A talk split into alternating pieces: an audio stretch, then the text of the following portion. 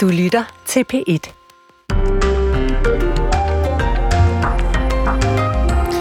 Godmorgen på denne lørdag den 2. december. Vi er stået op til frost og jul og to timers P1 morgen.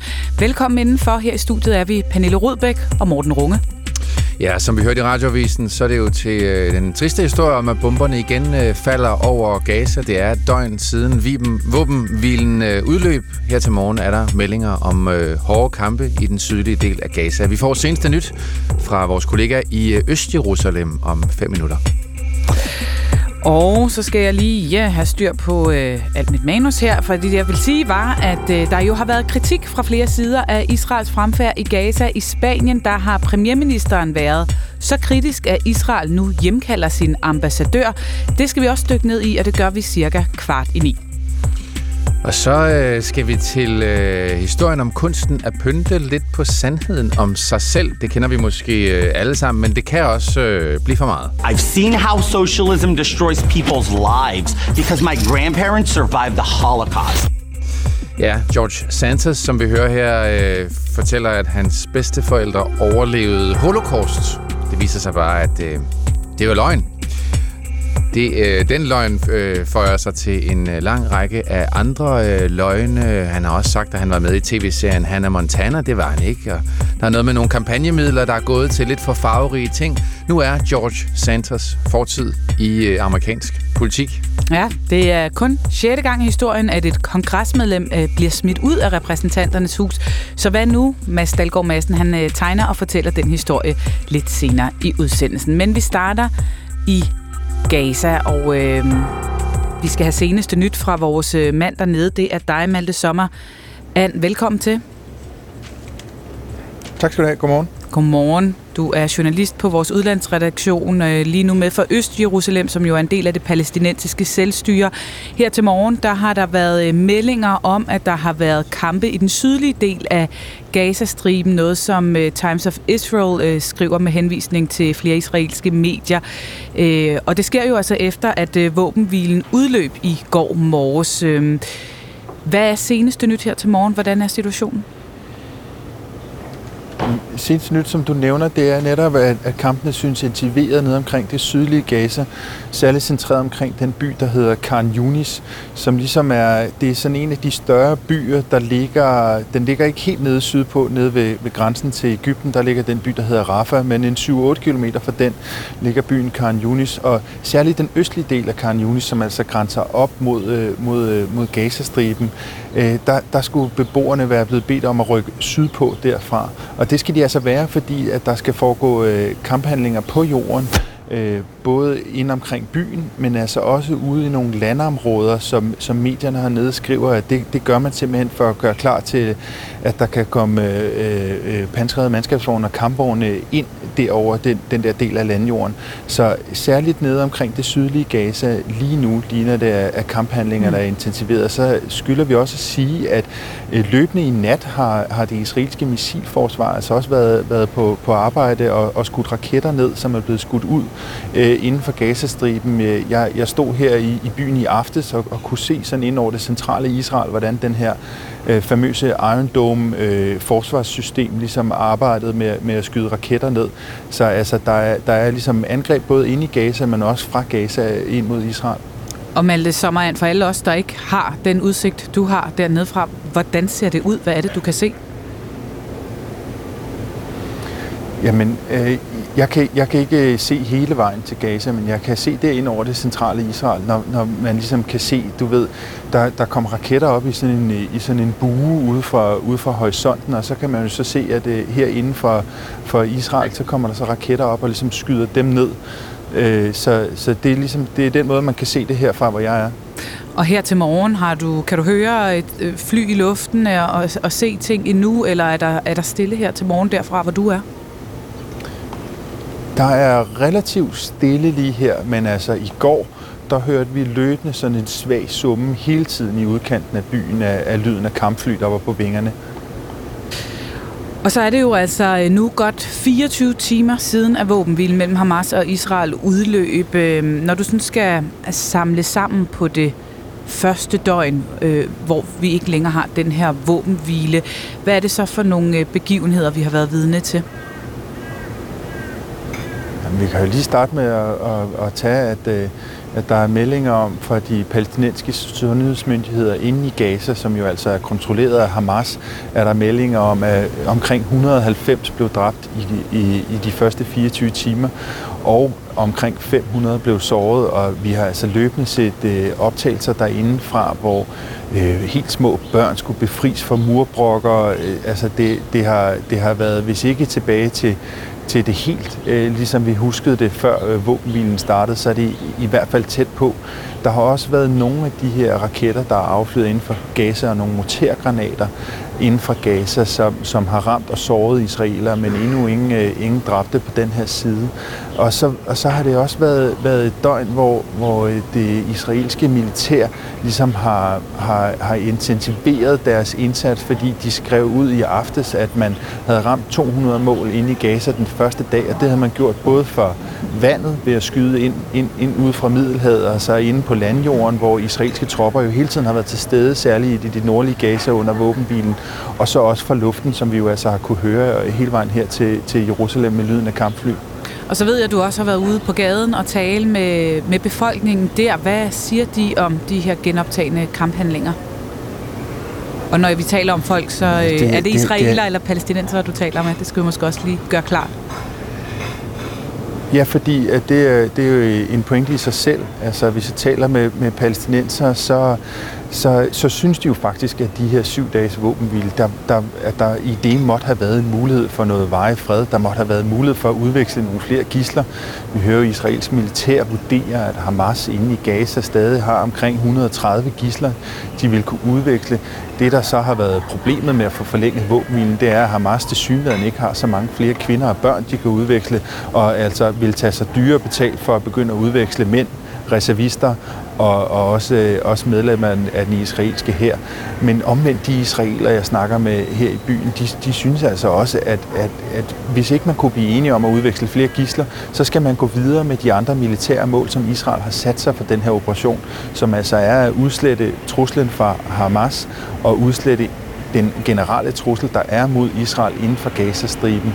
Og så, så hører vi altså også, når jeg går rundt inde i, særligt inde i det gamle Jerusalem, at, at man ligesom også er, er begyndt nu har krigen stået på i næsten to måneder. Der kan man også godt mærke det. Butikkerne får ikke de samme antal turister, som de plejede at have, er jo, er jo gode årsager. Og, og det kan de også godt mærke. Jeg mødte en mand i går, som havde, han havde sådan en lille fuglebutik, hvor han kom gående øh, med en ondulat i et bur, som han smed ud i skraldespanden, fordi øh, butikken havde holdt lukket så længe, at nu var ondulaten altså død, og som han sagde til mig, så var det altså en fugl til, til 100 dollars, så det var han også godt træt af.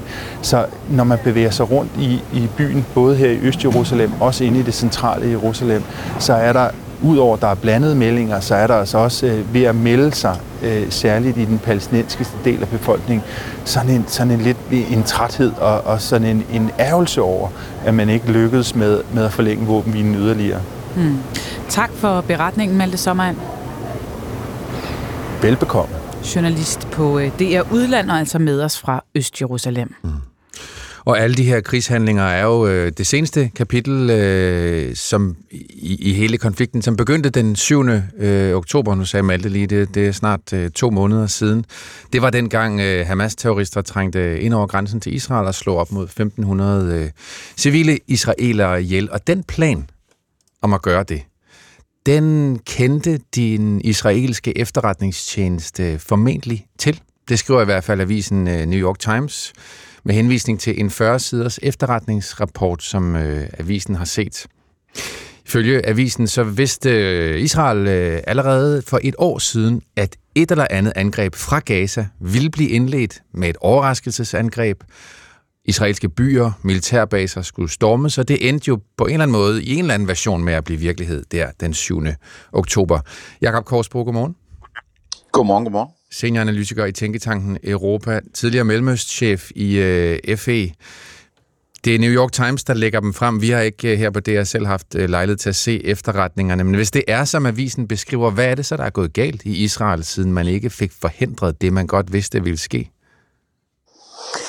Jamen, det det tyder på, det er, at, øh, at hvad kan man sige, der er nogen i efterretningstjenesterne, det er uvist på hvilket niveau, der har, der har valgt at, og hvad kan man sige, affeje det som, som nogle, nogle fantastiske historier og nogle fejlagtige øh, efterretningsrapporter. Altså det, der er i en efterretningstjeneste, det er helt normalt. Altså man får en masse kildemateriale, en masse data ind hele tiden, og, øh, og, og så er der en valideringsproces og så videre, så videre. Og så prøver man at stykke det billede sammen, øh, og, øh, og det er der altså noget, der tyder på, at øh, israelerne har valgt øh, ikke at gøre på mm. et eller andet niveau. Men du har jo selv, Jakob Korsbro, siddet øh, som efterretningsofficer, i hvert fald mellemøstchef for Forsvarets efterretningstjeneste der. Hvad er det, der afgør, om en efterretning er til at stole på eller ej? Hvad er det, man kigger efter? En efterretning er sjældent øh, noget, der viser hele billedet af, hvad der vil komme til at ske. Øh, så derfor øh, er det rigtig vigtigt at have et bredt og stort datagrundlag. Det man som regel gør, når man, hvis man får sådan en melding, lad os sige det fra en, en menneskelig kilde, så, så, så iværksætter man sådan en, øh, som jeg sagde, valideringsproces. Det lyder sådan lidt skrivebordsagtigt. Men så går man ud og tager alle de forskellige øh, muligheder, man har for at få yderligere oplysninger, øh, øh, for at, at validere det. Øhm, og det, er, det, det kan være teknisk indhentning, det kan være andre menneskelige kilder, øh, og så videre, for at, at validere og for at stykke, stykke et korrekt billede sammen, som man kan have, have tillid til, øh, og for at få troværdige oplysninger ud af det. Så, så det er sådan en, en større proces, men der er altså noget, der tyder på, at øh, på et eller andet niveau i, i, i de israelske tjenester har man valgt at sige, ej, det, det, det lyder for fantastisk det her, det går vi ikke videre med. Og der vil jeg sige, det der undrer mig, øh, det er, at øh, altså de israelske tjenester øh, er jo meget, meget skarpe øh, og meget, meget øh, metodisk velstruktureret, så, så det virker mere som om, man har sådan politisk lidt valgt at, at sige, jamen det, det, det, det kan ikke passe, det vil vi ikke bruge tid på. Vi har bygget et hegn, og vi har vores øh, missilskjold og, og, og så videre, og så, så skal vi nok sikre os på den måde. Sådan, sådan lyder det i mine ører, for jeg kan simpelthen ikke forestille mig, at der i de israelske tjenester ikke er den her metode, hvor man metodisk går videre, når man får noget, der er så alvorligt og af mm. den her karakter. Så, så du siger, at som du læser situationen her, så er det for urealistisk at tro, at efterretningstjenesten selv vil glemme sådan en brik, men der er indblanding fra politisk side. Men det er dine spekulationer. Jamen altså, det kan, det kan jeg jo ikke vide, men øh, jeg, jeg vil tro, de vil iværksætte en, efter, en undersøgelse på et eller andet tidspunkt, og så vil de komme frem til, hvor beslutningerne er truffet. Øh, jeg siger ikke, at, øh, at det, det har noget helt op til regeringsniveauet. Det aner jeg intet om. Men på et eller andet øh, sted er der nogen, der har siddet og sagt, nej, det, det vil vi ikke prioritere det her. Det går vi ikke videre med. Det er, det er for skørt. Øh, og, men, men kunne man det, altså, jeg undskyld, hvilken interesse skulle man have som israelsk politiker? Jeg siger, det er jo for skørt. Der, der har jo været en, en reel trussel fra Gaza i, i mange år. Ja, og, og man har sikkert fået mange rapporter, øh, der har været øh, upålidelige øh, og utroværdige i, i tidens løb, ikke? Øh, og, og har måske haft nogle kilder, som man har sagt, nej, det, det, det plejer ikke at holde stik, øh, så nu, øh, nu, nu, nu, går vi ikke, øh, nu går vi ikke videre med det. Men, men altså, der er en masse forlydende om, øh, kan man sige, at, at i efterretningstjenesten er, er ledelsesgangene blevet besat med flere og flere, der er politisk udpeget. Øh, det er i hvert fald det, man sådan kan, kan følge med i israelske medier, der tales om. Og at det er færre, hvad kan man sige, øh, rigtige øh, efterretningsfolk, der, der når til tops mm. i, øh, i tjenesterne.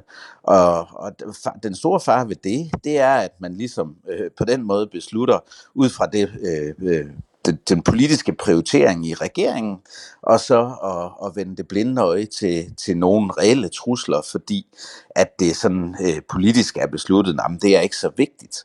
Og, øh, og der kan man sige, der ved vi jo, at øh, Netanyahu-regeringen har prioriteret mange ressourcer til øh, situationen på Vestbreden, øh, og øh, har prøvet ligesom at i talesæt, at øh, Hamas ikke udgjorde et problem længere, fordi det havde man styr på nede sydpå, Øh, og den store øh, udfordring, det var Vestbreden og, og, og, og Hezbollah i, øh, i nord og, og Iran. øh, og, så, og så har man prioriteret færre ressourcer til, mm. øh, til Gaza. Det har, det har der været rigtig mange oplysninger, der tyder på, øh, vil jeg sige, og det, det, det matcher øh, godt det, jeg sådan kan forestille mig mm. med de erfaringer, jeg nu har fra, fra 15 år øh, med det her. Så man fik, det til at, man fik det til at passe ind i den virkelighed, man ønskede at, at, at, at portrættere. Og man vil bare kort til sidst, Jacob Korsbo, hvad, hvad får det af konsekvenser for den israelske efterretningstjeneste, at det her det nu kommer frem, hvordan man konkret har fejlet?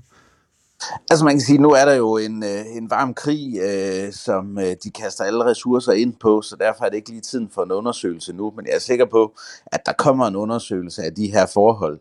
Øh, og vi ved jo også, at det ikke bare er én efterretningsrapport. Der har været flere sådan, øh, observationer og datapoints, man kunne have, have, have brugt til at undgå det her. Så et eller andet sted er der sket en fejl, og det vil man, øh, det vil man øh, øh, arbejde videre med. Øh, jeg ved ikke, hvor lang tid der går, nu må vi jo se, hvordan krigen udspiller sig, og hvordan hele regeringsscenariet udspiller sig, for der er stor modstand mod øh, den, den, den nuværende regering, øh, og, og, og, og det, vil, det vil få konsekvenser, helt sikkert, men øh, der skal være en undersøgelse, det er jeg sikker på.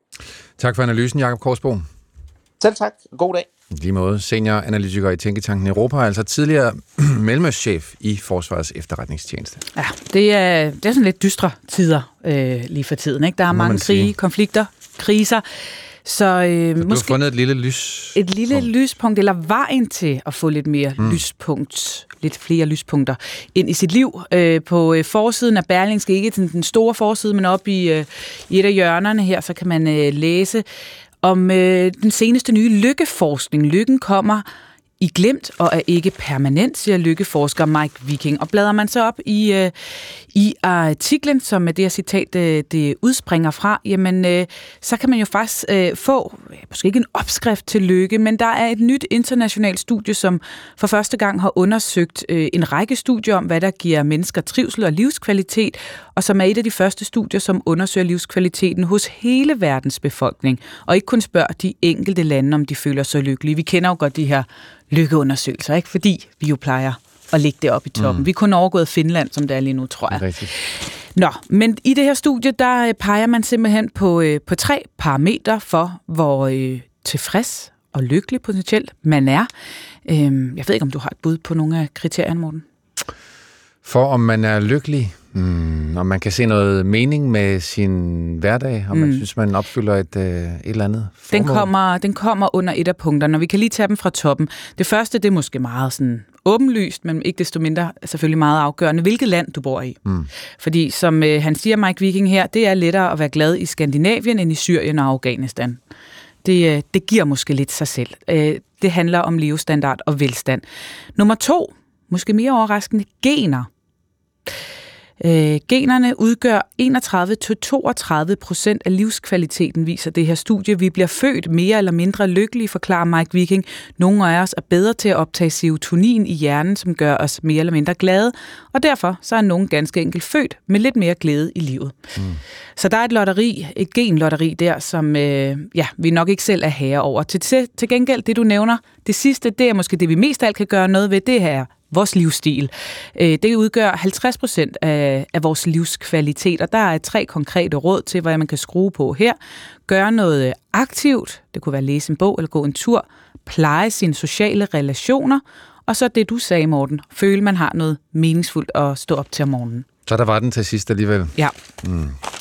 Og så det, som du startede med at sige, ikke, at lykken jo kommer i glimt, og ikke noget, man øh, Og i virkeligheden siger han også i artiklen, vi er slet ikke bygget til at være lykkelige hele tiden, fordi vi stræber jo hele tiden efter det næste. Så når vi har opnået det, vi tror, der gør os lykkelige, ja.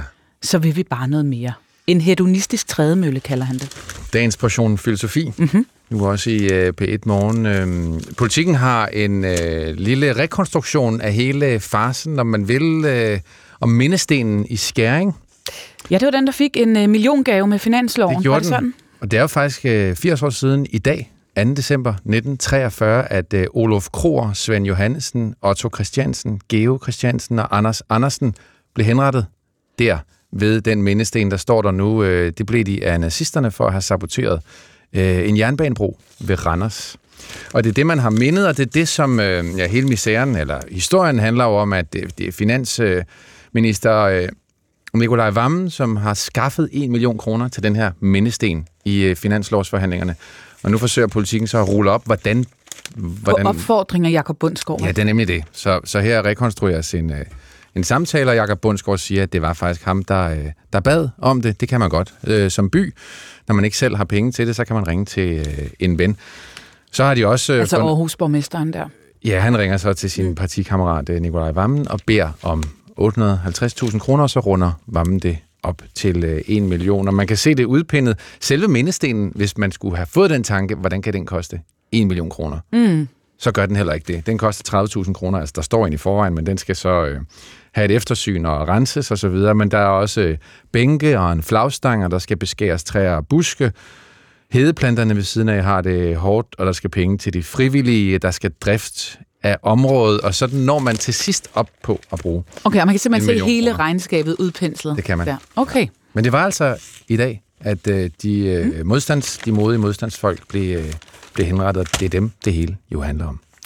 Og med det, så skal vi et tur til USA, hvor der lige nu øh, udspiller sig en, ja, man kan vel godt kalde det en lidt spektakulær sag, øh, som øh, i sidste ende kan få konsekvenser for republikanernes rolle i repræsentanternes hus. Republikanernes øh, George Santos har, kan man godt sige, pyntet på sandheden, eller han har faktisk fortalt løgne om sig selv øh, i en grad, øh, så han øh, også har brudt loven. Nu bliver han så, som det kun 6. medlem af repræsentanternes hus gennem historien, smidt ud. Godmorgen, Mads Dahlgaard Madsen. Godmorgen. Tidligere indrigspolitisk rådgiver ved den danske ambassade i Washington. Nå, hvad er det så for nogle sager, som øh, kører mod ham her, George Santos lige nu? Ja, men der er simpelthen næsten ingen grænser for, hvad man kan tage fat i, når du stiller det spørgsmål. Men altså, man er nok nødt til at tage fat i de løgne, som der rent faktisk har ført til noget ulovligt som George Santos han har foretaget sig. Så der, han har løjet rigtig, rigtig meget om, øh, om sig selv og sit CV for overhovedet at blive valgt.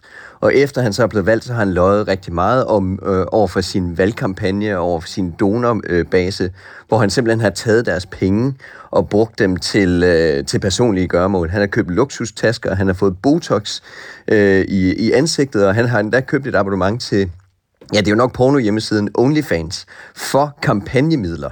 Så han simpelthen udnyttede sin rolle som politiker i, i kongressen til at simpelthen tilrage sig en masse penge.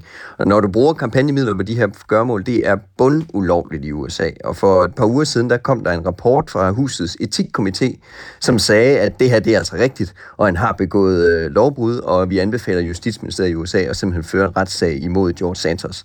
Det var dråben, der endelig fik republikanerne til at, at sætte en afstemning til, til, i huset, der gjorde, at han, han så i går blev, øh, blev smidt ud. Ja, det var nogle farverige indkøb, han øh, gjorde for de her kampagnemidler. Dertil så kommer så den her pynten på, hvem han egentlig er, øh, hans CV og så videre. Lad os lige øh, høre nogle af løgnene, som øh, ja, blandt andet har lyttet sådan her. But I put myself through college and got an MBA from NYU, and I have zero debt. I actually went to school on a, on a volleyball scholarship.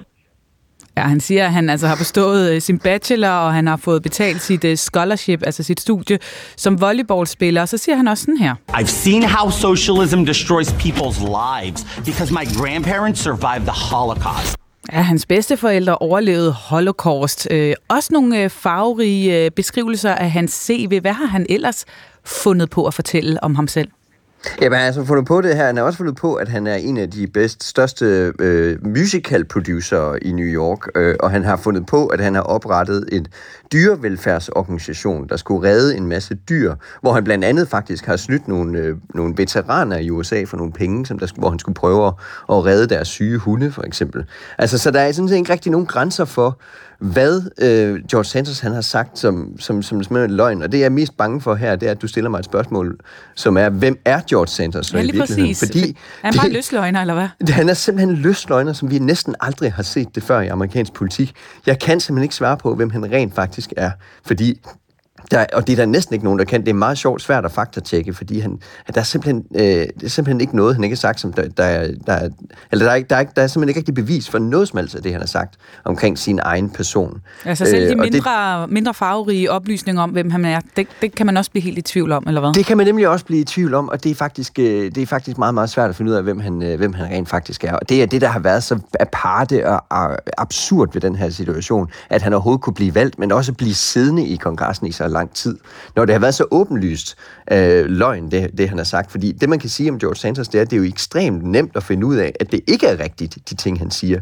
Altså, så det er nogle mærkelige løgne, han også har kastet ud. Så det virker til, at, at han er en form for lystløgner, der ikke rigtig kan sige sandheden. Mm. Ja, det kan godt være, at vi står og trækker lidt på smilebåndet over de farverige løgne, men det er vel så en, en sygdom, han har?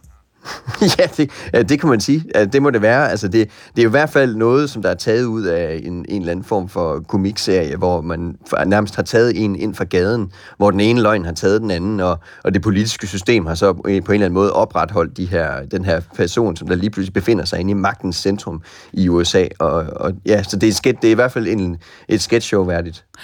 Og nu ser du så, at det er de her øh, lovbrud, altså kampagnemidler, som han har brugt på ting, han ikke måtte bruge dem på, som sådan har været dråben, der fik bæret til at flyde over. Men har han simpelthen haft en politisk karriere gennem et længere stykke tid, hvor alle har vidst, at han har gået og løjet til højre og venstre om, hvem han var? Ja, det har han nemlig. Og han, altså, det er jo spørgsmålet her, det er jo, hvordan kan den her mand overleve i det politiske system i så lang tid? Og det er fordi, at de her andre løgne omkring hans CV, omkring hans, hans politiske karriere, jamen der, der har der været realpolitiske årsager til, at han ligesom kunne blive på magten. Han kunne blive det her sæde i New York, fordi han sidder nemlig i det tredje distrikt i New York, eller sad i det tredje distrikt i New York, øh, som er et svingsæde. Og det vil sige, at hvis George Sanderson ikke er der, så er det meget sandsynligt, at demokraterne kan vinde det sæde. Og det vil sige, at han i det hele vejen igennem 2023 har siddet på et afgørende mandat, som lederskabet af det republikanske parti ikke har råd til at tabe. Så de har altså holdt hånden over den her absurde figur i deres parti, fordi de simpelthen er afhængige af hans stemme i huset. Så uden George Santos, jamen nu kommer der så et særligt valg, hvor de risikerer at tabe det her sæde, og dermed mister et sæde i deres flertal, eller deres flertal indskrænker sig. Så de nu kun sidder på et flertal med tre sæder i kongresset. Mm, i, øh, i repræsentanternes hus. Og det er absurd snævert et flertal at, at prøve at føre lovgivning på. Men de kunne simpelthen ikke forsvare at holde hånden over ham. Altså, der var ikke mere at gøre der. Så, så, så det, nu blev de nødt til, de blev tvunget ud i at træffe valget. Det, det blev simpelthen så absurd til sidst her, især da den her OnlyFans-afsløring, øh, den kom frem, at han har brugt kampagnemidler til at, at, at søge på porno-hjemmesider. Jamen, så var det simpelthen så absurd, at de kunne simpelthen ikke retfærdiggøre længere holde hånden over George Santos. Og samtidig så har de ligesom brugt ham til de afgørende forhandlinger, de skal bruge ham i, i, i 2023, og er nødt til at få ham ud inden valgåret 2024, fordi ellers så kan demokraterne bare sige, at republikanerne er George Santos' parti. Og kommer det her til for alvor at rykke, altså du siger, det kommer til at sidde på det snæverst mulige flertal? Altså kan det få nogle politiske konsekvenser, at, at balancen i, i, i repræsentanternes hus rykker sig? Altså det er jo én plads, det her, men, men kan det alligevel have konsekvenser? Ja, det kan det nemlig godt, fordi at i december måned her, der skal, vi, der skal øh, kongressen forhandle den, øh, den her sikkerhedspolitiske pakke, som øh, sender hjælp til Israel og til Ukraine. Der står partierne forholdsvis langt væk fra hinanden, så republikanerne er virkelig afhængige af hver en stemme for at få deres udgave af loven igennem. Øh, og så er det på den anden side af nytår, der, der venter nogle kæmpe store forhand, øh, finanslovsforhandlinger, hvor republikanerne er lige så afhængige af at kunne mønstre hver og en af deres stemmer i, øh, i, i huset for overhovedet at få deres pointe i, i, eller få deres lovgivning igennem. Så de er dybt afhængige. Altså hele 2023, der har de, alt lovgivning, der er kommet igennem, det har været afhængig af 1, 2, 3, 4 sæder. Så en meget spektakulær farverig sag, der kan få nogle meget konkrete realpolitiske konsekvenser, må man sige. Det må man, kan man roligt sige. Tak for at være med, Mads Dahlgaard Madsen. Det var så lidt. Tidligere indrigspolitisk rådgiver ved den danske ambassade i Washington.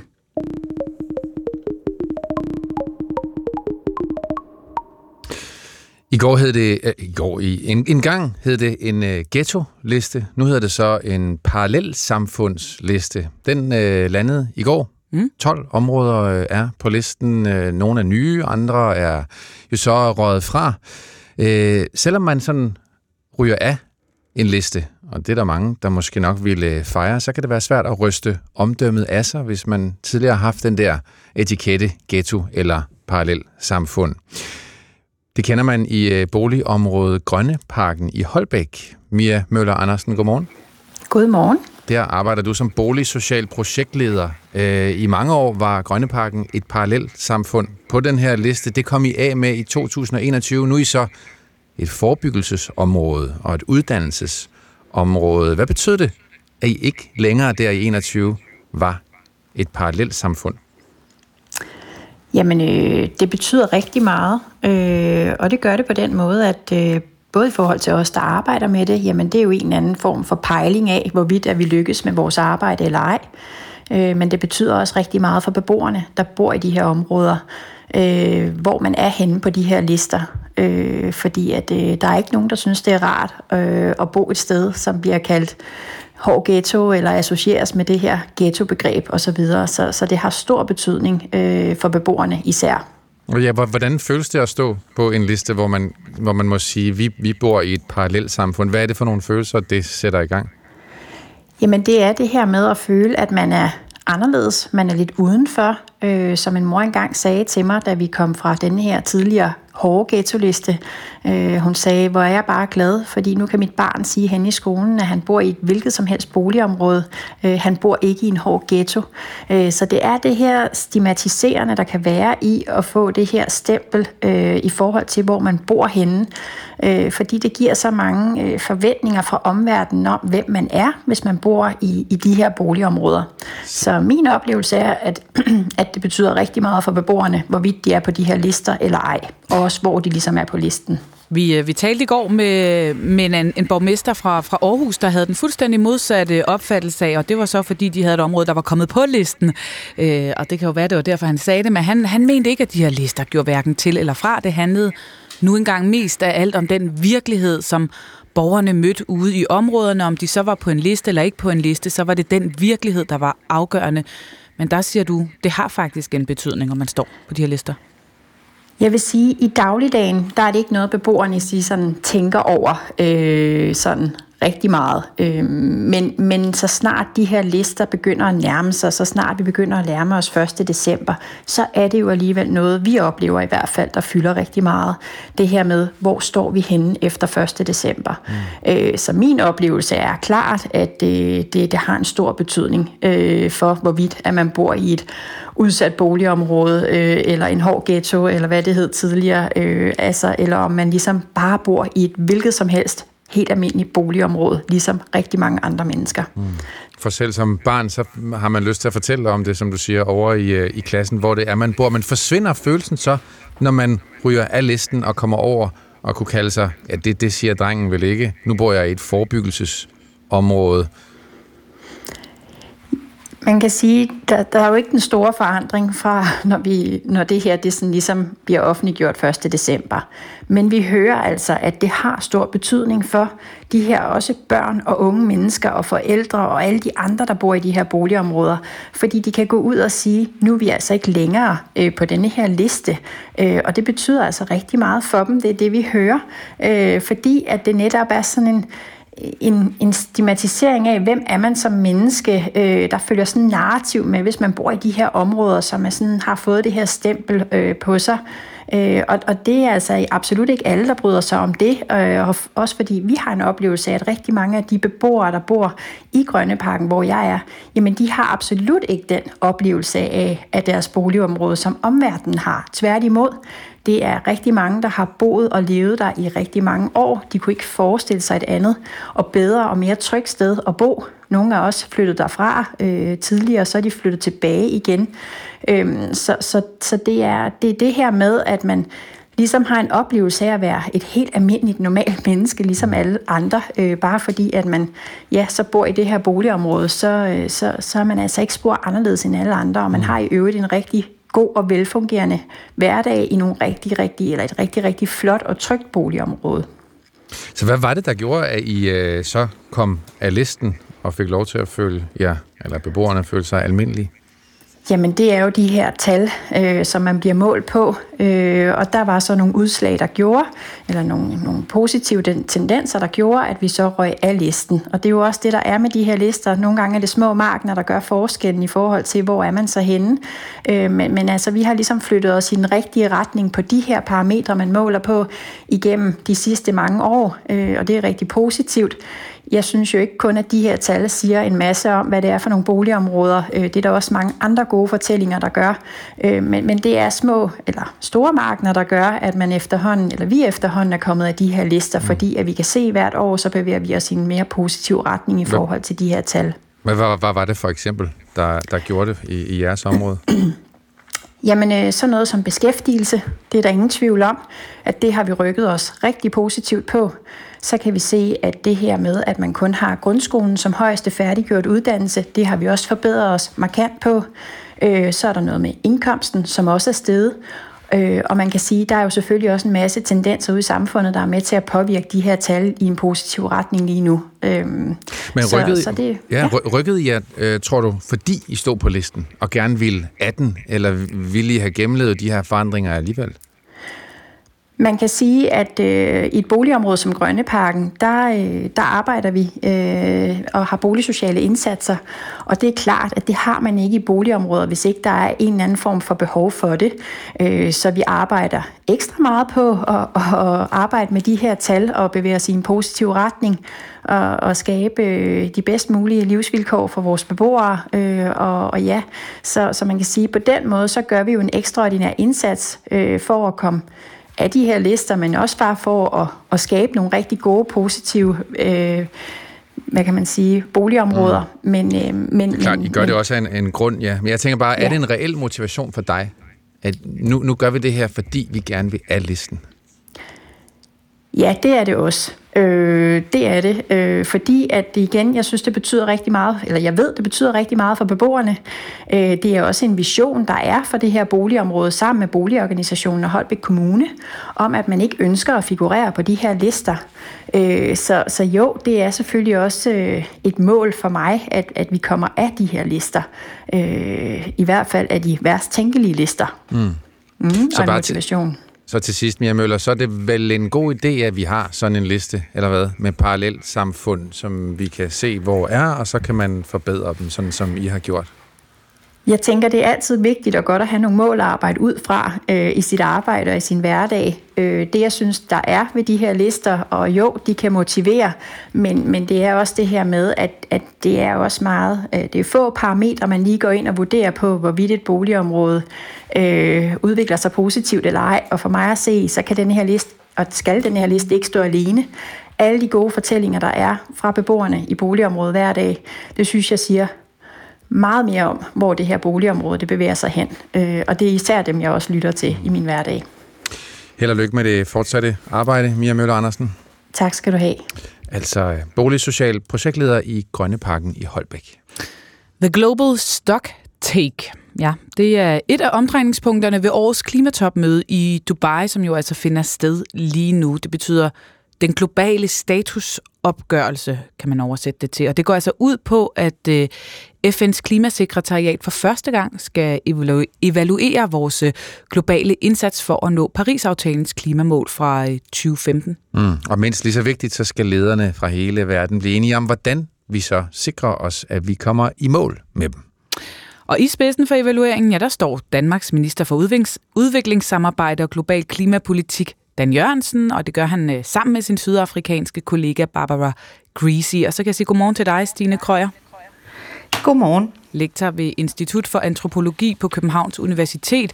Og øh, så ved jeg, at du følger klimaforhandlingerne på COP28 ganske, ganske tæt. Den her globale statusopgørelse, The Global Stocktake, hvad er det præcis, den her evaluering går ud på? Det er en del af det, man kalder Paris-aftalens ambitionsmekanisme.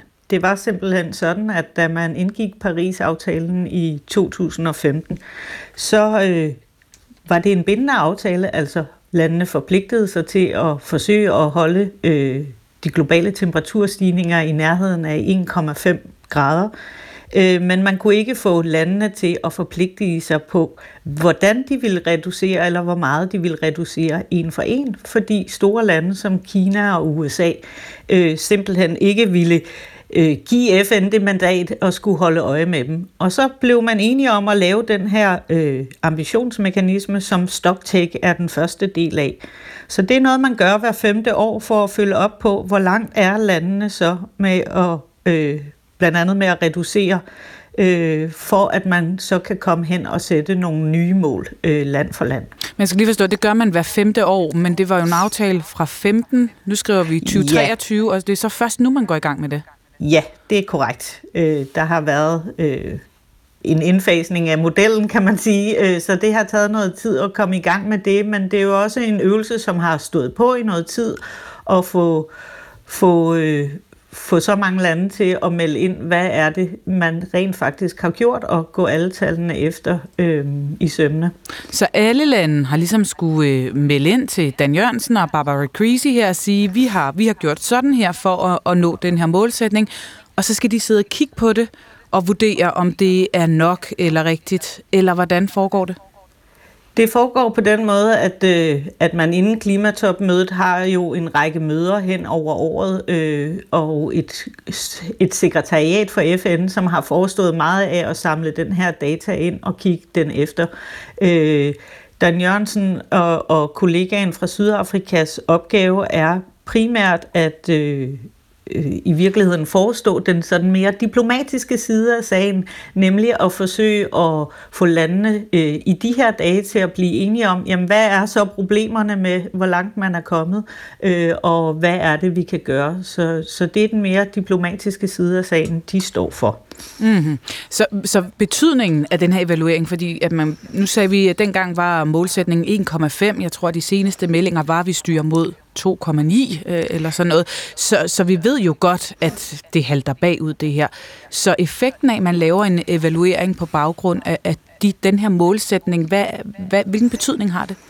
Ja, altså man måler på forskellige ting. Dels så kigger man på, øh, hvad er det for nogle reduktioner, øh, landene faktisk laver. Så ser man på, hvordan går det med klimatilpasningen, som jo stadig siger, ifølge den rapport, man så har lavet, ligesom synteserapport, der viser, at der er meget store problemer i forhold til investeringerne i udviklingslandenes muligheder for klimatilpasning. Og så den sidste ting, man kigger på, det er, hvordan det går med finansieringen, som også har været noget af det, der har været oppe her øh, i løbet af ugen. Altså, hvad er det for nogle penge, der kommer i kassen til faktisk at kunne, øh, kunne også imødegå de klimaforandringer, der kommer. Det går langsomt på alle fronter, viser rapporten. Øh, ja, øh, hvis, hvis landene lever op til de ting, som de siger, de på nuværende tidspunkt vil gøre, så, så øh, styrer vi mod noget, der minder om et sted mellem 2,6 og 2,9 grader, mm. og det er jo en katastrofekurs. Øh, så, så der øh, venter jo en meget stor øvelse øh, at, at forsøge at få hævet de her ambitioner. Ja, så spørgsmålet, hvad kan Dan Jørgensen gøre, når han sidder her med den diplomatiske del af opgaven i forhold til at, at kigge på den her evaluering? Fordi det er jo en evaluering. Han kan vel ikke sådan rigtig komme efter de lande, som han så Nej. ikke synes har gjort nok? Nej, det har man jo præcis, øh, kan man sige, sikret sig imod ved at gøre det på den her måde. Øhm, men, men mekanismen er jo så ikke desto mindre vigtigt, øh, øh, lidt ligesom i den danske klimalov, hvor man jo heller ikke har på forhånd har kunne blive enige om, hvad er det for nogle reduktioner, man skal foretage hvor, og så genbesøger man øh, øh, det her sådan år for år for at se, om man kan hæve ambitionerne. Det er det samme, der foregår bare på meget større plan her. Øh, så den, så den, øh, den diplomatiske øvelse er jo at, at synliggøre, kan man sige, og udstille uden at skubbe nogen væk. En slags øhm, skabestok. Ja, ja, det kan man jo sige, men man skal jo helst heller ikke putte nogen så længe i gabestokken, så de, øh, så de enten dør eller vælger at forlade forhandlingerne hmm. øh, fuldstændig. Så, så på den måde er det jo, øh, ja, de diplomatiske, de diplomatiske øh, mekanismer, der ja. skal træde til. Og der kan man sige, der er de jo godt placeret, både Dan Jørgensen øh, og, øh, og, og altså Danmark og Sydafrika, fordi at øh, man er del af nogle forskellige grupper og kan række ud både til det globale nord og det globale syd øh, i forhold til at møde hinanden mm. i en fælles forståelse af, hvad Så der, der skal de til. et godt markerpar, Dan Jørgensen og øh, den sydafrikanske kollega øh, Barbara Greasy her. Tak for at være med, Stine Krøyer. Det var så lidt. Lektor ved Institut for Antropologi. På spansk tv i øh, torsdags tonede den siddende premierminister øh, Pedro Sanchez frem og sagde... Jamás tiene que liberar a todos los rehenes que ahora mismo están en sus manos en, en Gaza sin ningún tipo de condiciones y de manera inmediata. Pero con la misma convicción tenemos también... Ja, ja han, sagde, han siger her, at Hamas skal øjeblikkeligt løslade alle gisler, som de holder i Gaza, men i samme vending må vi også fortælle Israel, at de skal overholde international humanitær lov. Jeg er alvorligt i tvivl om, at de gør det, når vi ser de billeder af det voksne antal mennesker, især børn, der dør.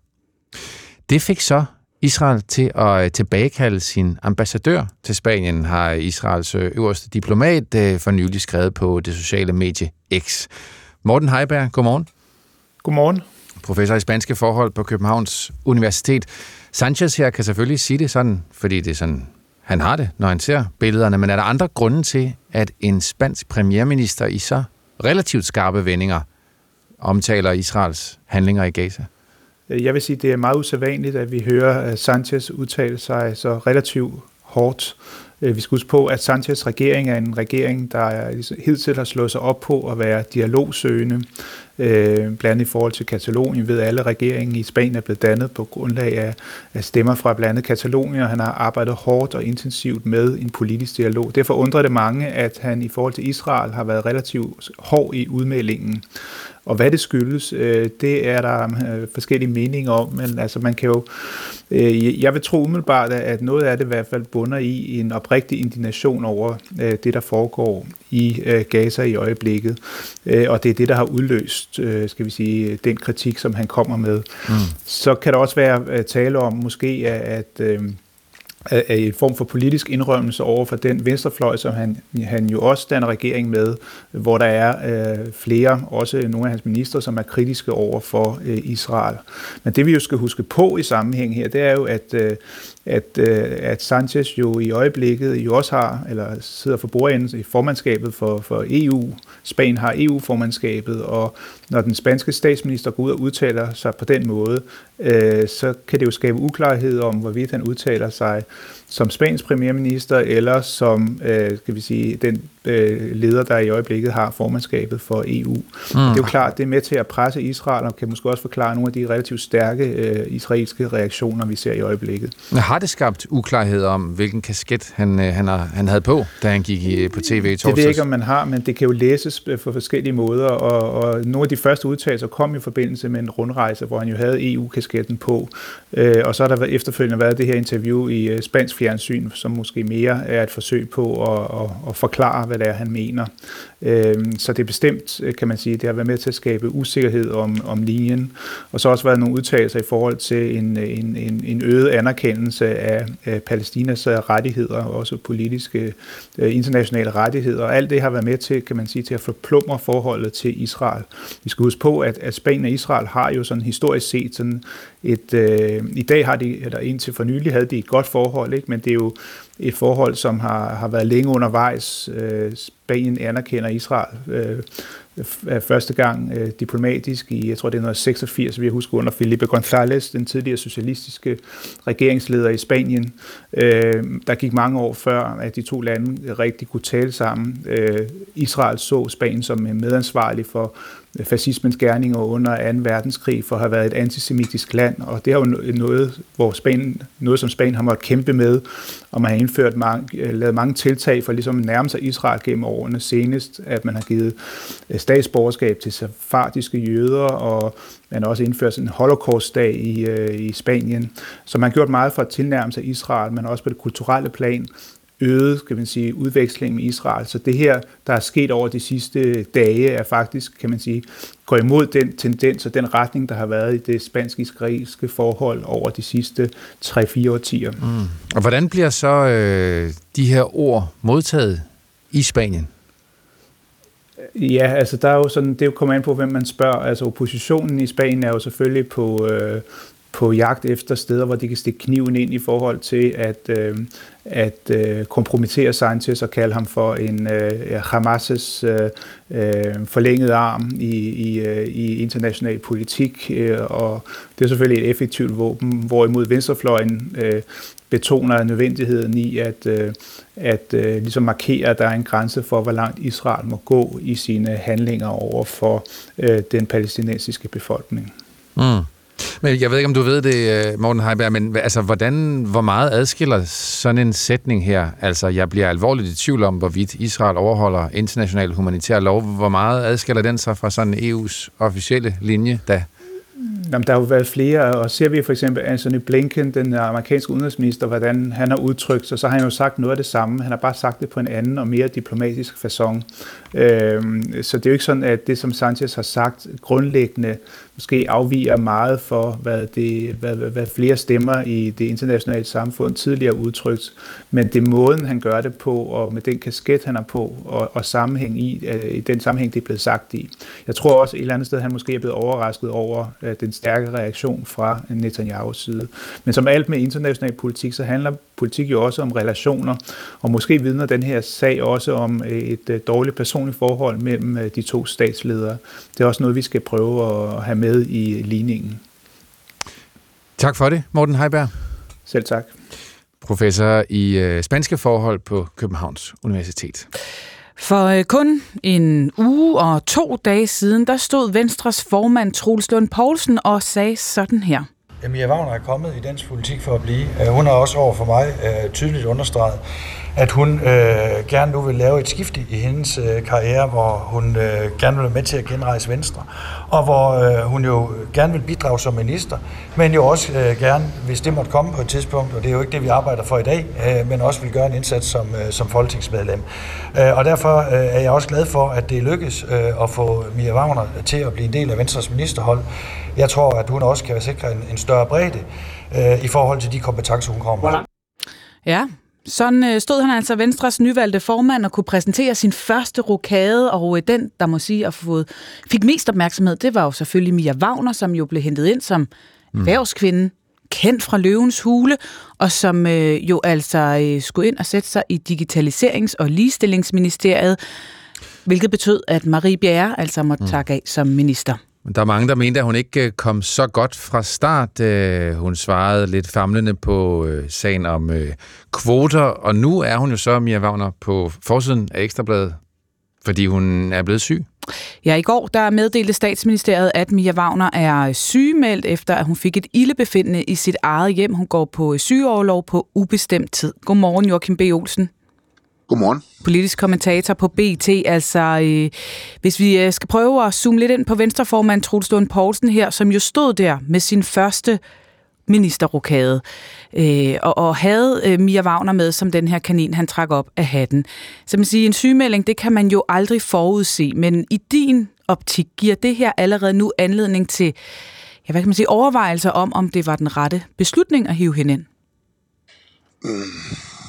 Ja, det er selvfølgelig, han kommer ikke til at ændre på noget nu, men uh, som vi faktisk selv lige sagde, så har hun bare fået en, en dårlig start. Altså et, det her med kvoter, som hun ikke rigtig kunne svare på, altså det har hun gået ind for tidligere, og gør hun det stadig. Vil hun stille op for Venstre? Det spørgsmål fik hun jo også efter næste valg. Det kunne hun heller ikke rigtig svare på. Og så var der altså også den her ministeroverdragelse, som var en lille smule øh, akavet. Og så en, øh, Hvordan var en, den akavet? Ja, altså det, det var lidt... Øh, hun kom måske til at sige nogle ting, som... Øh, altså for eksempel, når hun, hun siger til Marie Bjerre, altså hun siger at det er en stor dag for mig, og så ligesom ikke så meget for dig. Altså du ved, der, der var ligesom nogle ting, hvor man ligesom sidder tilbage med et samlet førstehåndsindtryk, som måske ikke er helt godt. Det kan selvfølgelig nå at blive en succes nu, der er gået en uge, mm. men førstehåndsindtrykket har ikke været så godt. Og det er klart, hvis det, det ikke ender med at blive en succes, så er det øh, så falder det lidt tilbage på, på Troslund Poulsen, fordi når man hiver en ind udefra, så, så er der altså nogle ekstra krav til, at det bliver en succes, fordi der sidder jo nogen i Venstres folketingsgruppe, som ikke længere er minister, nogen, der gerne vil være det. Og øh, det kan altså godt give spændinger, hvis en formand så tager en beslutning, som viser sig at være den forkerte. Men man kan sige, der, der er trods alt, som du også siger, kun gået en uge, og en, og en sygemelding, det kan ingen jo forudse. Det kan, det kan jo ske. Så er det fair at, at, at, at dømme hende efter en uge på den her måde, synes du? Jeg synes ikke, man skal dømme hende sådan færdig efter nu, men man må bare sige, at man har et parti, Venstre, som er i stor øh, krise. Mm. Og øh, der vælger man at tage en, at Truslund vælger at tage en beslutning, hæve ind, ind udefra. Og øh, han har jo helt sikkert gerne vil kopiere den succes, Tommy Ahlers var. Øhm, og man må bare sige, indtil nu, så, så, så er det altså ikke gået særlig godt. Så førstehåndsindtrykket, det har bare ikke været særlig godt. Og det er en hård branchepolitik. Det er det altså. Mm. Men der vil også bare lige sige, det, det skal det jo altså også være. Det er jo nogle, det er jo nogle mennesker, som har meget stor indflydelse på os alle sammen. Og derfor er politik også en ekstra hård branche. Mm. Derfor så skal vi jo også beskæftige os med, med dem, der ligesom kan udøve magt over os alle sammen. Og det er det, du gør hver eneste dag. Tak for at være med, Joachim B. Olsen. Det var så lidt. Politisk kommentator på BT.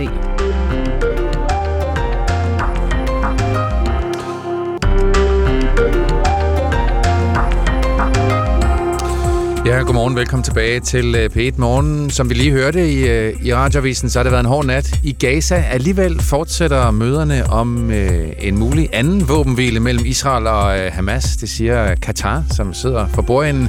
Vi ser på kunsten at forhandle våbenhvile med den ene hånd, og så som Israel i hvert fald gør, beordre jægerfly på vingerne med den anden, og hvad der skal til for at opnå sådan en eventuelt ny kamppause. Ja, og imens øh, at øh, Israel jo altså gennemfører angreb i Gaza, der har været meldinger om øh, kampe i den sydlige del af Gaza her til øh, morgen i løbet af natten, ja, så skal øh, Israel jo fortsat følge krigens regler i forhold til at tage hensyn til civile. Det forsøger man lige nu at gøre med flyveblade, der indeholder sådan nogle QR-koder, som viser et kort over Gaza, der er liv er blevet inddelt i en hel masse forskellige zoner. Spørgsmålet er så, hvor godt man egentlig kan guide to millioner mennesker rundt i et område på størrelse med Langeland. Mm. Og man overhovedet kan læse sådan en QR-kode, hvis der ikke er adgang til så meget stabil internet. Det er en anden internet. del af problemet måske. Under en storm fra nordøst natten mellem den 30. november og 1. december 1981, så havde flere små skibe problemer med at gå ind i havnen i Hirtals. Kutteren Hanne Dorte med tre fiskere ombord forliste så pludselig der lige uden for havnens måle. Og så sendte byen sit splinter nye redningsfartøj RF2 ud for at redde besætningsmedlemmerne. Men desværre, ja, så endte den selv med at kendre, og øh, den nat, ja, der kostede stormen så ni personer livet. Den historie, som er virkelig, kan man i de her dage se øh, gengivet øh, i filmen Synkefri. Den handler om øh, efterspillet og den kollektive sorg, som hele byen Hirtshals oplevede i årene efter. Vi får besøg af instruktøren, som selv har mistet familiemedlemmer til Vesterhavet. Og med det velkommen indenfor til endnu en times P1 morgen. Her i studiet er vi Pernille Rudbæk og Morten Runge. Og vi begynder med et øh, blik på kampene i øh, Gaza, og i virkeligheden mulighederne for at få lavet endnu en øh, våbenhvile under den seneste våbenhvile mellem Israel og Hamas, øh, de sidste timer af den torsdag aften, der var den amerikanske udenrigsminister Anthony Blinken jo på besøg i Israel, og her var beskeden til Israels premierminister Benjamin Netanyahu og flere andre højtstående israelske politikere relativt klar. I made clear that before Israel resumes major military operations, it must put in place humanitarian civilian protection plan. Ja, det runger lidt. Det er lidt svært at høre, men han siger altså, jeg gjorde det klart, at Israel skal sikre humanitær civilbeskyttelse, der minimerer flere tab af uskyldige palæstinenser, før de begynder på nogen ny større militær operation. Ja, og det kan man jo altid diskutere, hvor meget der så skal til. Faktum er her til morgen, at mindst 109 er meldt dræbt i øh, Gazastriben ifølge sundhedsmyndighederne i Gaza. Øh, velkommen, Sissel Nyholm. Godmorgen, Sissel. Godmorgen. Udlandsredaktør på Kristelig Dagblad. Ja, så i et eller andet omfang, så har Anthony Blinken jo talt lidt for døve ører i Israel torsdag aften, eller hvad tænker du, der skete i de rum? Det, der har været øh, meget store spændinger mellem øh, Netanyahu-regeringen, eller Netanyahu og Biden-regeringen, og Anthony Blinken har jo, øh, som I sagde, været i, i Israel flere gange for at forsøge at tale USA's sag. Og der er tydelige tegn på, at USA nu begynder at skrue bisen lidt mere på over for Israel. Øhm, det, at Anthony Blinken offentligt går ud og siger, at at øh, USA har gjort deres, øh, deres holdning klar over for Israel. Det er lidt, lidt mere, end han har gjort før. Så jeg tror, der har været nogle, der har været nogle store spændinger inde i det rum, og Israel har formentlig lyttet, men øhm, spørgsmålet er, om det er nok for USA. Altså Israel udgav for eksempel, eller den israelske her udgav efter det her møde et kort over Gaza med nogle meget specifikke anvisninger for palæstinenserne for, hvor de kunne finde sikkerhed. Øhm, og det, kunne, det kan man tage som et tegn på, at USA har, eller undskyld, Israel har gjort noget for at imødekomme USA's krav om at gøre mere for at undgå civile tab. Mm, og det skulle så være at dele Gaza ind i, i nogle, øh, nogle zoner.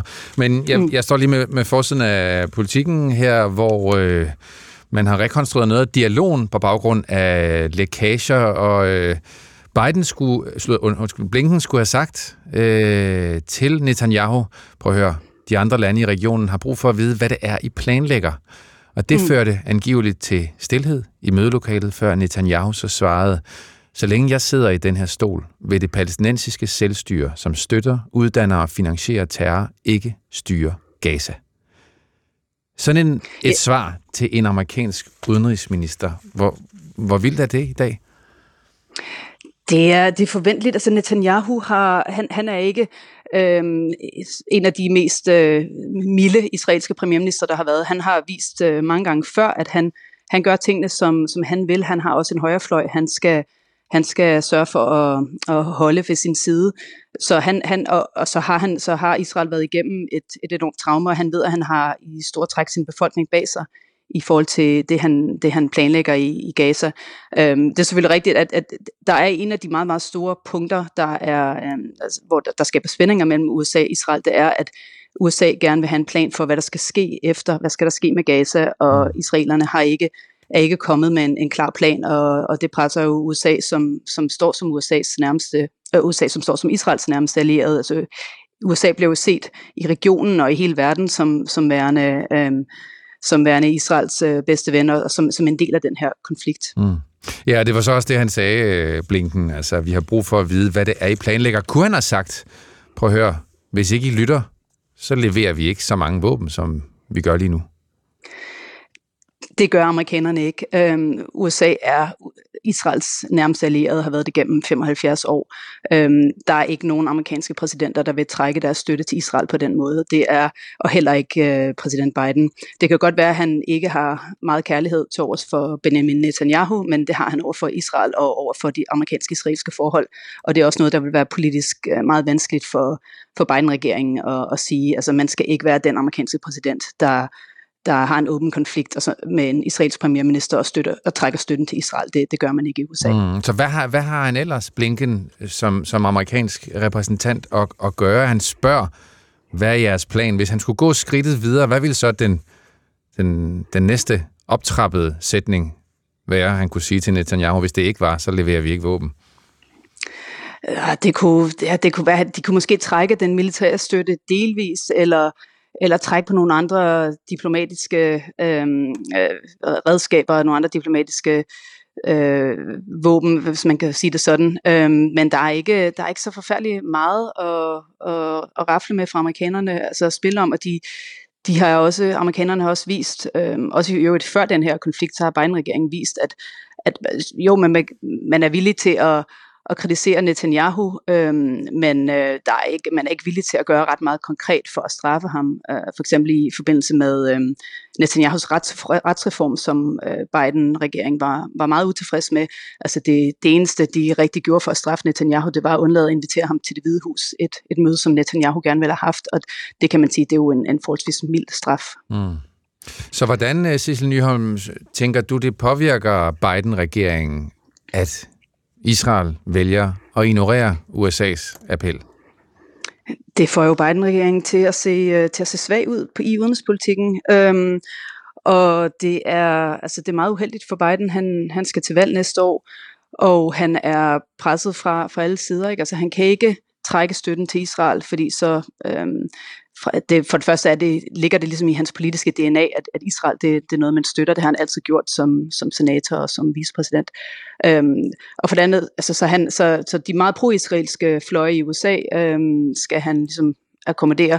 Og så har han også en, en, en ret øh, stærk venstrefløj i sit eget parti, som er meget pro-palæstinensisk. Øhm, så han er lidt ligesom, at han tilfredsstiller ikke nogen for øjeblikket, øhm, og det er en meget vanskelig situation, plus at han, at han får USA til at se svag ud, så mm. det, er en, øh, det er ikke en, en god situation for præsident Nej, Biden. Så, så hvad, er, øh, hvad er det rigtige skridt frem for USA de næste dage?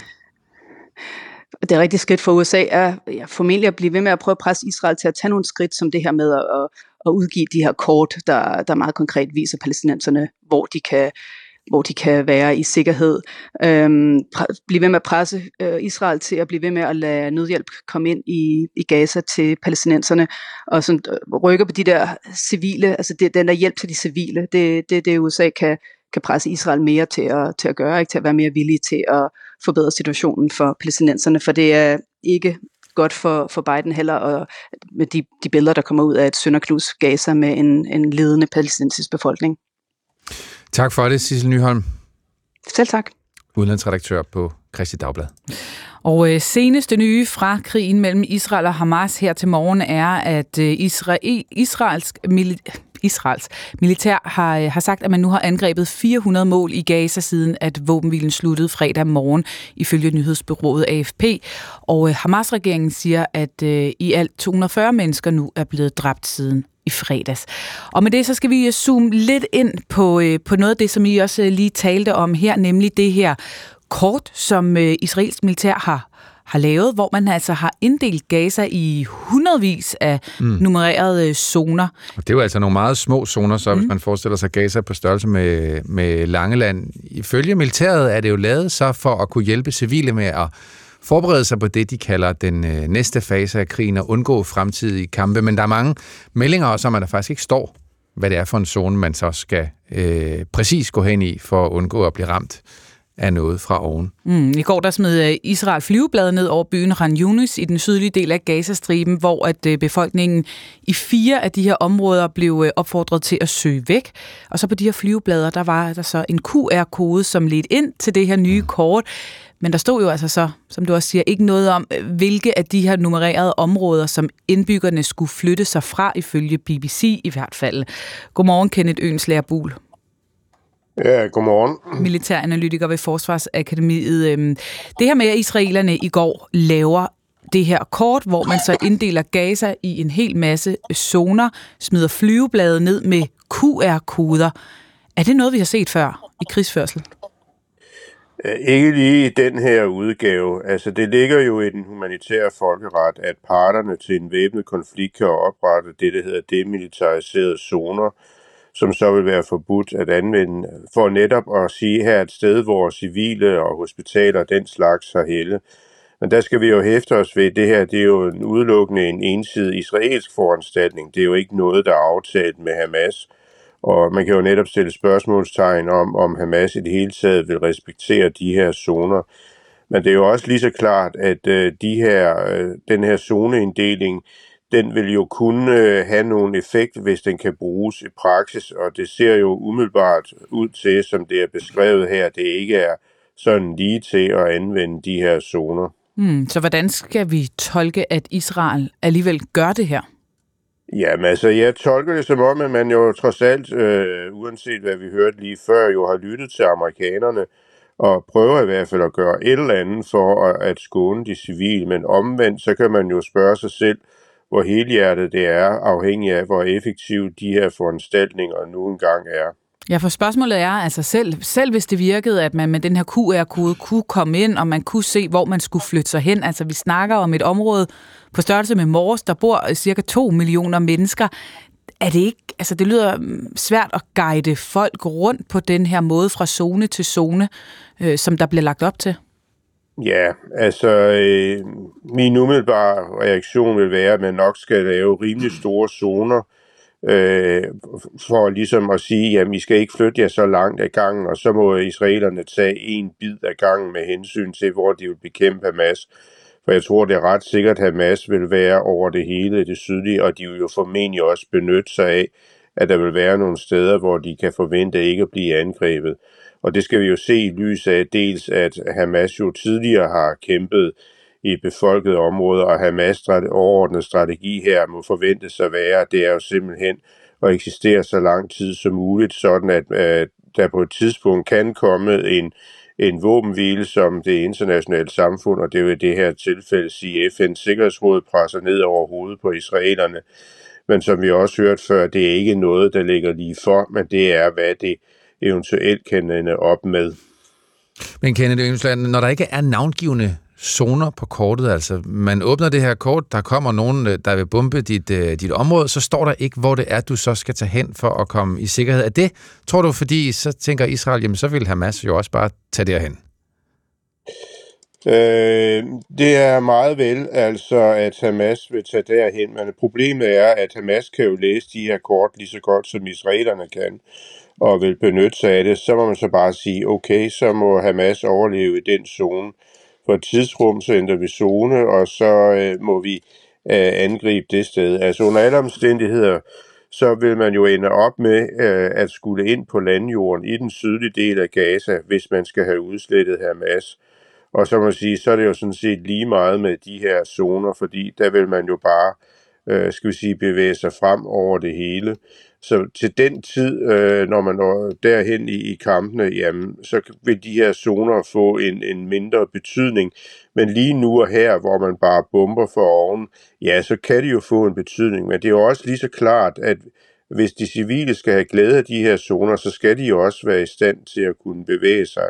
Og der vil være nogle folk, der er den ene eller anden årsag, sygdom, handicap, øh, alderdom og hvad ved jeg, ikke vil være i stand til at kunne øh, udnytte det her, øh, den her mulighed.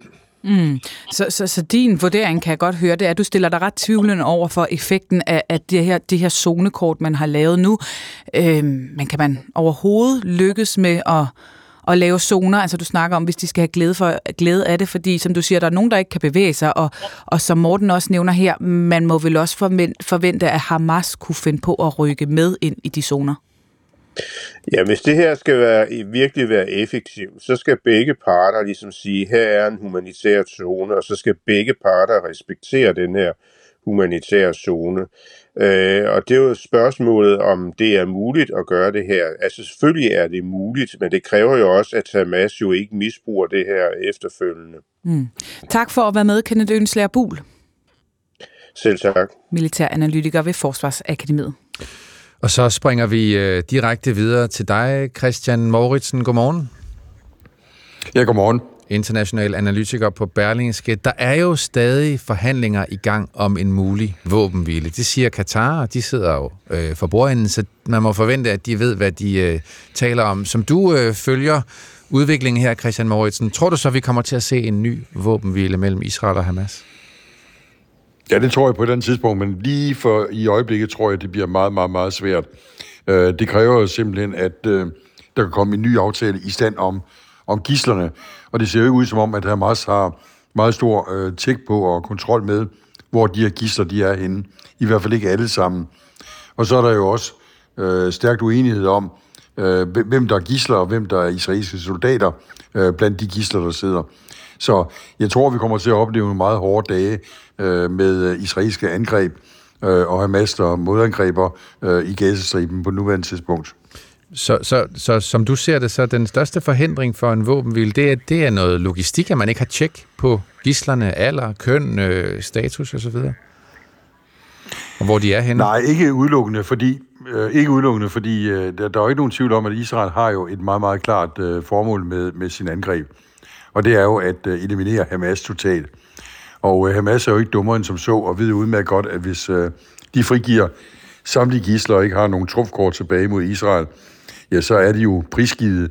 Øh, så øh, der, der ligger jo det i det, at øh, Israel vil jo simpelthen eliminere det.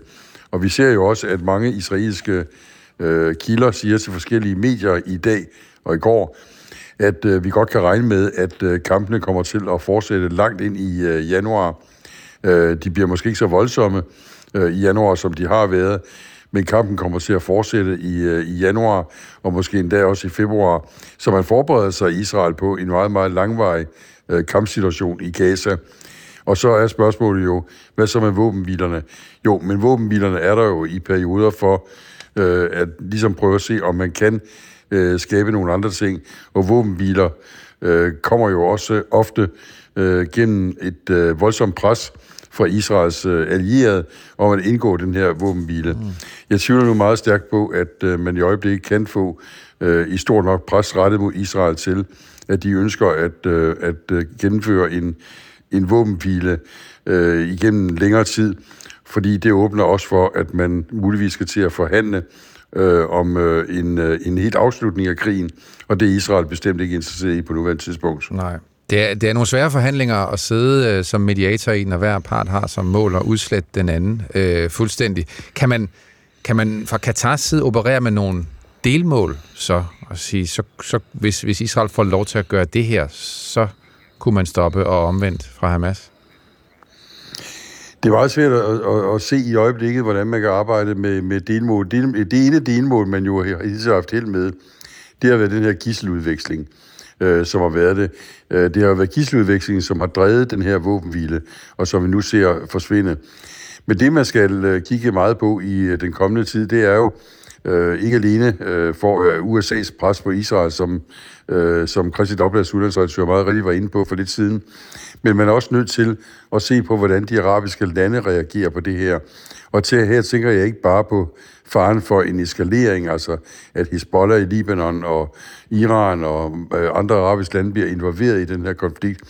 Men jeg tænker også på, hvordan Jordan og Ægypten reagerer på den her konflikt, fordi både Jordan og Ægypten har kæmpe problemer i øjeblikket, og ønsker øh, at lægge meget, meget stort pres på Israel øh, for at øh, få en, en våbenhvile igennem. Øh, begge lande har jo en gammel fredsaftale med Israel, og de har, øh, de har hvad hedder det, helt normaliseret forhold, så deres mening betyder noget. Jordan er i den øh, forfærdelige situation, at de har jo øh, virkelig mange, måske over en million palæstinensiske flygtninge, der sidder i flygtningelejre, og de er ikke øh, til sind sådan at være stille og rolige, selvom de øh, ikke ligefrem har lyst til at være åbent, øh, hvad hedder det, oprørsk imod den jordanske konge, så er der en, en ulmende utilfredshed, som den jordanske konge er nødt til at tage hensyn til. Og Ægypten har jo det kæmpe problem, at øh, hvis grænserne bliver åbnet, så står de lige pludselig med, med øh, hundredvis, 100.000 vis af palæstinensiske flygtninge. Så jeg tror, man skal holde meget øje med, hvordan lige præcis de to lande, øh, de reagerer i den kommende tid, mm. og måske også lægger pres, ikke alene på Israel, men også lægger pres på USA, som de var meget tæt allieret med, for at få lagt et øh, pres igen på Israel. Men, så der ligger nogle ting der. Ja, men er der øh, tror du, noget pres, der sådan virker på Israel, udover øh, kravet om at få gislerne tilbage? Nej, øh, det tror jeg faktisk ikke i øjeblikket. Altså, jeg tror, at Netanyahu's regering er så øh, stålsatte på, at de vil simpelthen have knust øh, Hamas, og de vil aldrig nogensinde komme tilbage til magten igen. Og det kræver jo en, øh, øh, en militær indsats, som vi jo har set, som, som Israel er indstillet på at øh, gennemføre. Så jeg tror ikke, at, øh, at vi i øjeblikket kommer til at se, at Netanyahu-regeringen øh, ændrer sig.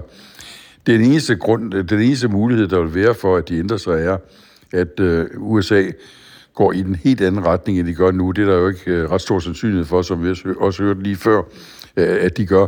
Men det andet er jo også, om der vil internt i Israel komme et pres mod øh, Netanyahu på et tidspunkt, at der kommer en eller anden form for øh, krigsrethed. Det er heller ikke sandsynligt, at det kommer på nuværende tidspunkt. Tak for analysen, Christian Mauritsen. Ja, tak. Christian Mauritsen, øh, som altså er international analytiker på avisen Berlingske.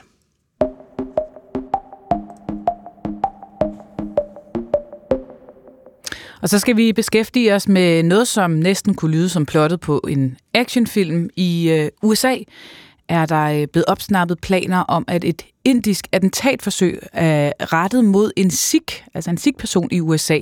Det sker nogle øh, måneder efter, at en anden Sikh blev slået ihjel i Kanada, hvor det altså undersøges, om det er Indien, der står bag mm. det her attentatforsøg. Og måske skal vi lige have på plads en Sikh. Hvad mm. er det? Det er en, øh, en, der tilhører den indiske religion, Sikhisme, øh, som blev grundlagt i begyndelsen af 1500-tallet. Størstedelen af sikkerne lever i det nordvestlige Indien, men altså også øh, en hel del i USA og Kanada. Godmorgen, Sonja Furu. Godmorgen. Weekendavisens Indien-korrespondent. Øh, lad os starte med den konkrete sag her. Altså, hvordan er de her planer om et attentatforsøg mod den her SIG i USA blevet opsnappet? Jamen, det skete på ret spektakulær øh, vis. USA har fremlagt detaljeret dokumentation, og her fremgår det, at en person ansat i den indiske regering har haft kontakt med en indisk mand i USA. Nick Gupta hedder han, som nu er arresteret, men som angiveligt blev hyret af den her indiske embedsmand til at orkestrere attentatet. Og Nick Gupta skulle så have bestilt likvidering hos en legemorder, som uheldigvis for ham og den øh, indiske embedsmand øh, viste sig at være en amerikansk undercover-agent. Og det lyder jo, som du sagde i introen, som udgaven til endnu en øh, actionfilm. Øh, men det er altså sådan, at man har fået optravlet planerne om likvidering, at den blev bestilt hos en amerikansk undercover-agent. Ja, det lyder meget spektakulært. Hvad ved vi om ja. den her SIG-person, som attentatet var rettet mod? Vi ved ikke særlig meget om ham, andet end at han var en øh, markant stemme i den her SIG-bevægelse i USA, som kæmper for en selvstændig stat i Punjab, som er den nordlige del af Indien. Altså man ønsker en selvstændig stat for Sikher i Indien. Og det er en bevægelse, som har eksisteret i mange år, men altså øh, er blevet slået meget hårdt ned på i Indien. Så i Indien ser man ikke særlig stor tilslutning til det her ønske om at have en selvstændig Sikh-stat. Det er et ønske, der i høj grad eksisterer i diasporaen i Kanada og i USA. Og nu siger du var. Altså, det var, det, det var bare et forsøg, så at sige, ikke? Jo, jo, det var så han lever stadig? i USA. Han lever stadig. Okay, så der i, i Canada, der lykkedes det at slå en ihjel. Mm. Ja, det beklager jeg. Han lever stadig i USA, det gør Og der er altså håndfaste, ret håndfaste beviser, lyder det til på, at det simpelthen er øh, Indiens regering, der står bag det her attentatforsøg. Ja, altså det er meget detaljeret, at man har fremlagt, et, eller det som USA har nu, altså der er sms-beskeder og så videre, mellem øh, Gupta, den her øh, indiske mand i USA, som vi heller ikke ved særlig meget om, og så den her indiske embedsmand, øh, hvor øh, man ud fra den her sms-udveksling kan, kan kode, at der har været aftale om, at Gupta han skulle øh, få arrangeret den her, øh, det her attentat på, øh, på Pandum, som han hedder, øh, Sikh-inderen øh, i USA. Mm. Og Sonja Furu, det kan være, at vi lige skal fortælle, hvor, hvorfor øh, at man kan være så øh, vred på en Sikh, at man ønsker vedkommende likvideret. Ja, det er meget godt lige at få på plads. I Indien, der ser man øh, de her Sikh-ekstremister eller Sikh-aktivister, som øh, flere af dem som, at, som terrorister, de står på terrorlisten i Indien. Øh, og man mener altså, øh, at de øh, planlægger terrorangreb mod Indien i det her forsøg på at få en selvstændig stat i Indien. Og man så også i 1985, at der var et, øh, et terrorangreb på et Air India-fly på vej fra Kanada til Indien, og der mener man altså, at det var øh, kanadiske Sikh-aktivister, der stod bag det angreb. Så... Men hvad man ellers lægger til grund for det, det ved vi ikke. Vi ved ikke, hvilken dokumentation Indien har for, at de øh, planlægger terrorangreb i Indien. Og hvordan har Indien selv øh, reageret på, på, på den her afsløring af, at, øh, at det kommer frem, at de står bag det her attentat? Jamen faktisk har de reageret overraskende roligt den her gang, øh, og det siger jeg, fordi at de jo for et par måneder siden, da de blev anklaget for at stå bag likvidering af en sikh kanadier, øh, reagerede meget voldsomt. Altså Indien blev rasende, de udviste kanadiske diplomater og fastfrøs, de fastfrøs en handelsaftale mellem Indien og Kanada, og det har man ikke set den her gang. Altså Indien har til med sagt, at man vil samarbejde om efterforskning. Så USA og Kanada på den anden side, hvordan forholder man sig der? Altså, lytter man til presset fra, fra indisk side, eller øh, melder man fuldstændig hus forbi? Øh, ja, det vil jeg sige, man gør. Altså, man Altså hvis man tænker på, hvor alvorlige anklagerne er, altså at den indiske regering skulle have bestilt et snimor på en amerikansk statsborger, så forholder USA sig også bemærkelsesværdigt roligt. Øh, indtil videre har det ikke fået diplomatiske konsekvenser i form af udviste diplomater, sanktioner eller andet. Øh, og det er også kommet frem af chefen for CIA, eller den amerikanske, eller chefen for den amerikanske efterforsknings- eller efterretningstjeneste CIA øh, har været i Indien i efteråret, og det var så angiveligt for at fremlægge beviserne, så man må formode, at der har været en intern dialog mellem øh, Indien og USA, og det er altså derfor, at det bliver regeret så stilfærdigt nu. Mm-hmm. Og så, som du også har nævnt et par gange, det her attentatforsøg kommer jo så efter et andet attentatforsøg i, øh, i, kan, mm. i Canada for et par måneder siden.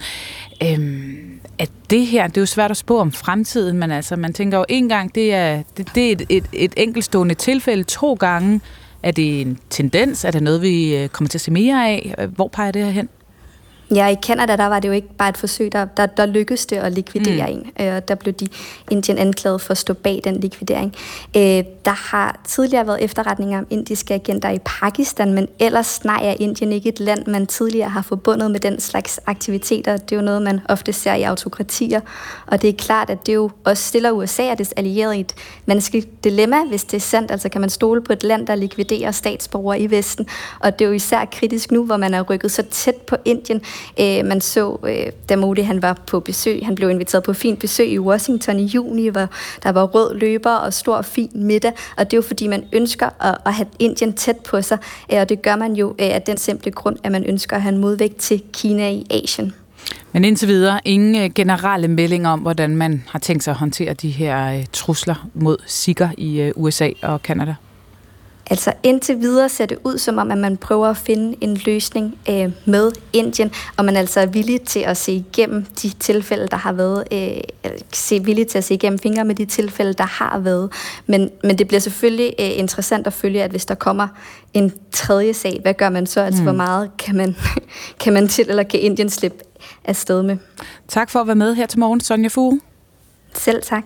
Weekendavisens Indien-korrespondent.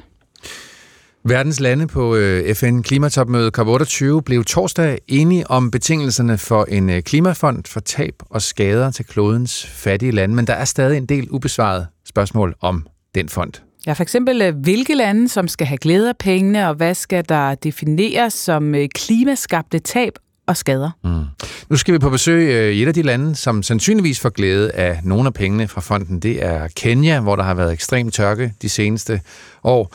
Vores kollega Jeppe Ørgaard har talt med øh, Maru Mawa. Han er deltidslandmand og var på vej til klimatopmødet i øh, Dubai, da han øh, svarede på, hvordan han oplever klimaforandringerne. Hello. Hello, is it uh, Maru? Yeah, sure. My name is Maru. Maru Mawa bor i Mombasa i den sydøstlige del af Kenya. Han arbejder i en bank, er landmand, og så er han ved at gøre sig klar til at tage til Dubai for at deltage i COP28 for Kenya. I'm a farmer. And right now, I'm one of the Lutheran World Federation climate activists to the COP Summit. Han arbejder i en bank til daglig. At være landmand er mere en passion, fortæller han. Men den passion er ret svær at udleve for tiden. No, no, no. Right, right now you can't. Right now you can't. You know why? Because our farms have been filled with water. We've been experiencing a severe drought. Tørke. Det har været virkeligheden i Kenya i en håndfuld år, og det har været med til at skabe en fødevarekrise i landet.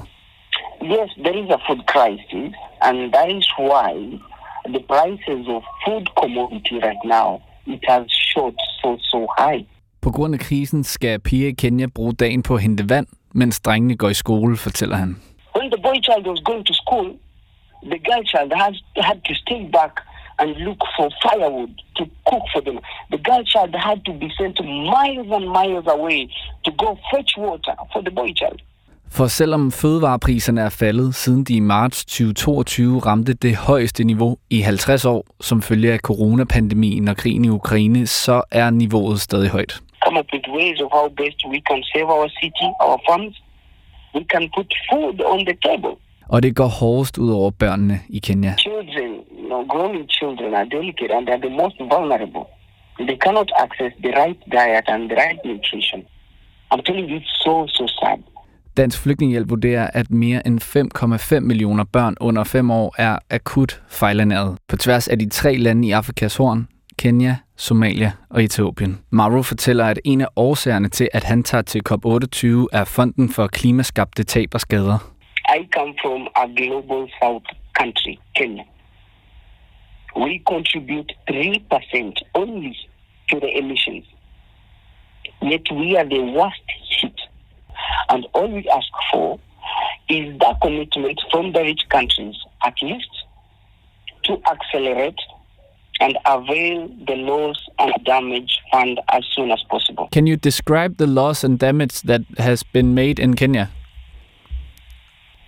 Our infrastructure is really poor, and time to time, whenever we try to build it up, due to the weather patterns, due to the climate trends, we are already hit every now and then. We need monies to fix that.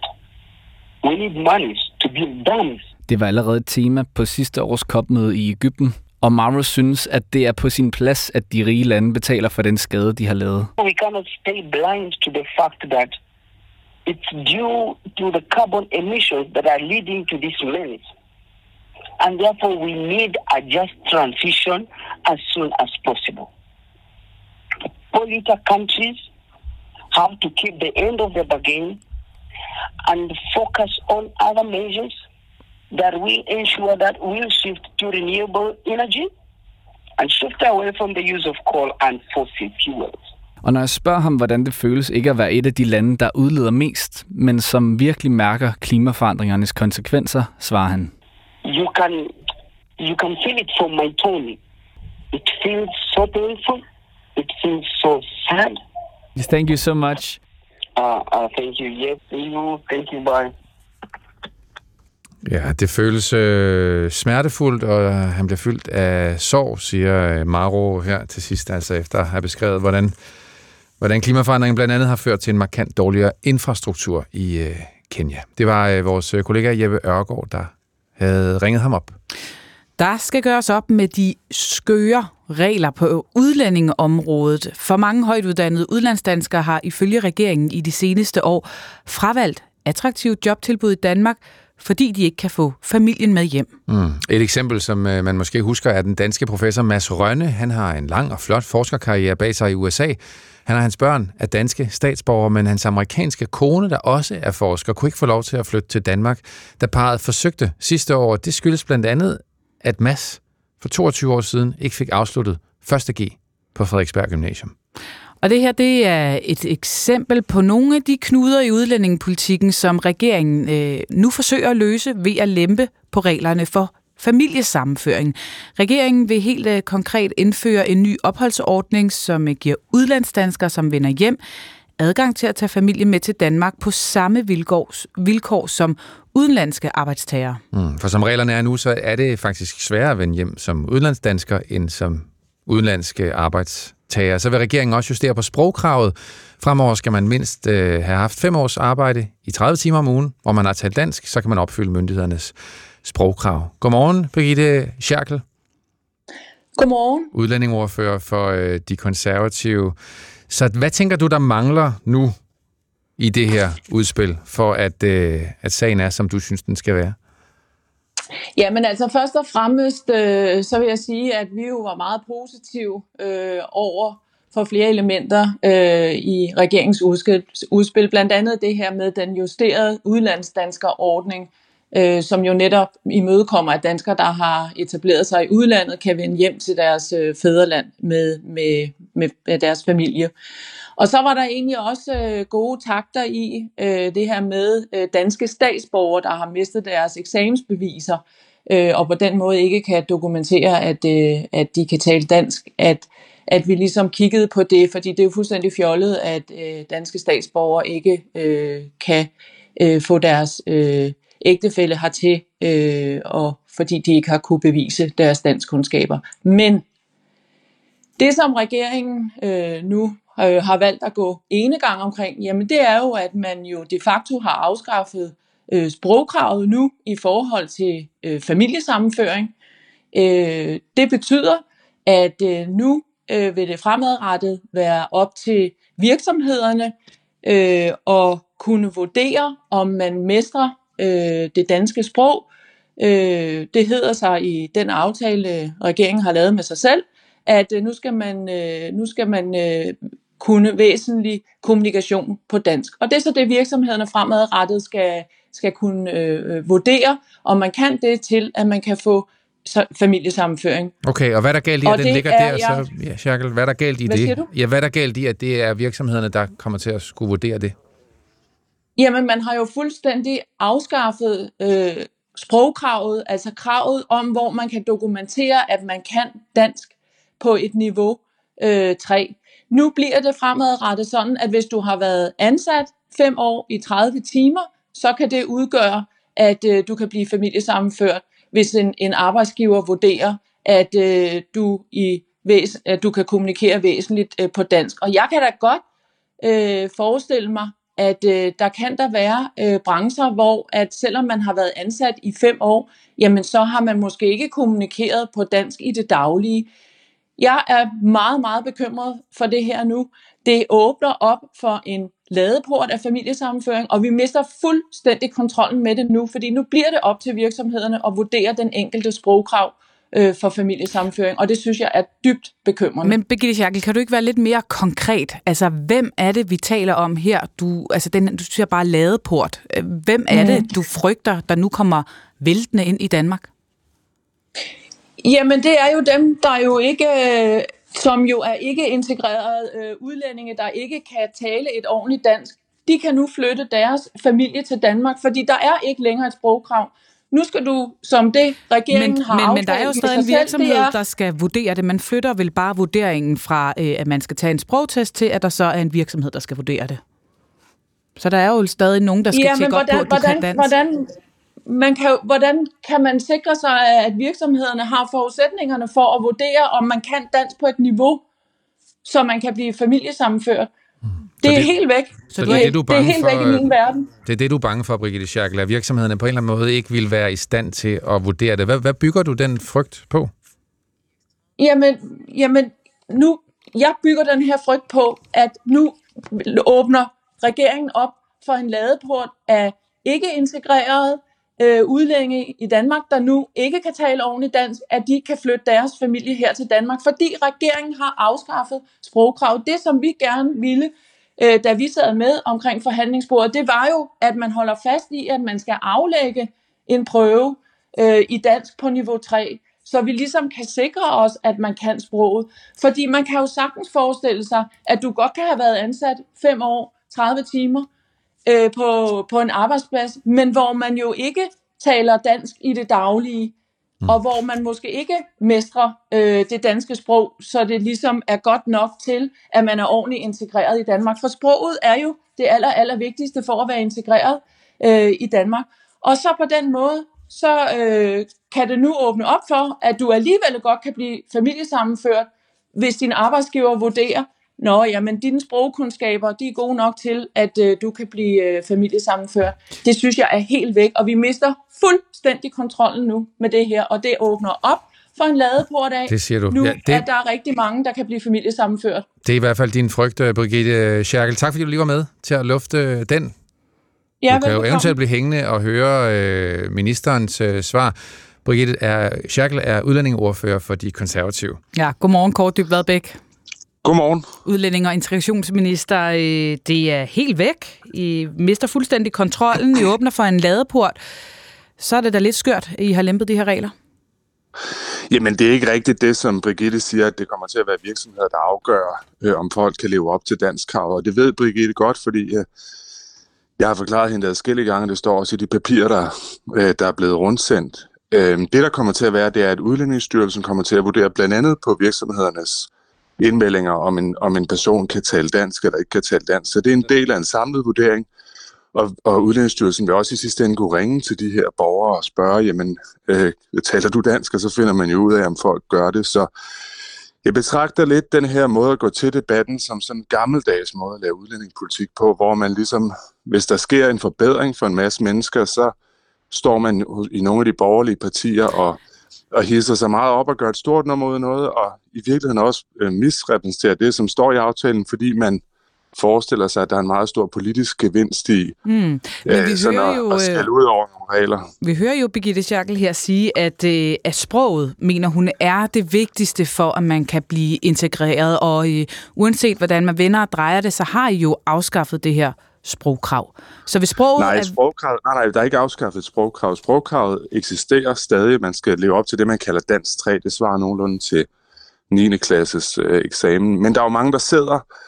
Blandt andet har Ekstrabladet bragt en historie med øh, mænd, som arbejder måske som lastbilchauffører eller industrivirksomheder, som har smidt deres skolepapir væk fra gamle dage, og det har vi ikke noget sådan fælles register over, så vil de gerne familiesammenføres med en måske kone fra Filippinerne eller et andet land, Brasilien, øh, og så lever de ikke op til sprogkravet. Og der har vi sagt, jamen hvis du har været fem år på en virksomhed, hvor man taler dansk, hvis du taler dansk, hvis man, hvis man har en arbejdsgiver, der siger, at man gør det, hvis man jo ellers i en samlet vurdering virker til at kunne tale dansk, jamen, så kan man få en dispensation fra det generelle sprogkrav. Og det er altså sund fornuft. Vi har masser af sager, hvor der er folk, der sidder, øh, bliver familiesammen, eller ønsker en, en ægtefællesammenføring, og så får de at vide, selvom de er, har danske forældre, har boet hele deres liv i Danmark, når du taler ikke godt nok dansk, og så bliver folk jo lidt trætte af at, at, at høre på det. Øh, det kan man jo sådan set godt forstå. Men Kort Dyb Vadbæk, man kan jo undre sig så over, hvis det er så åbenlyst, at det var skørt sådan, som det var før, at øh, det trods alt har taget så lang tid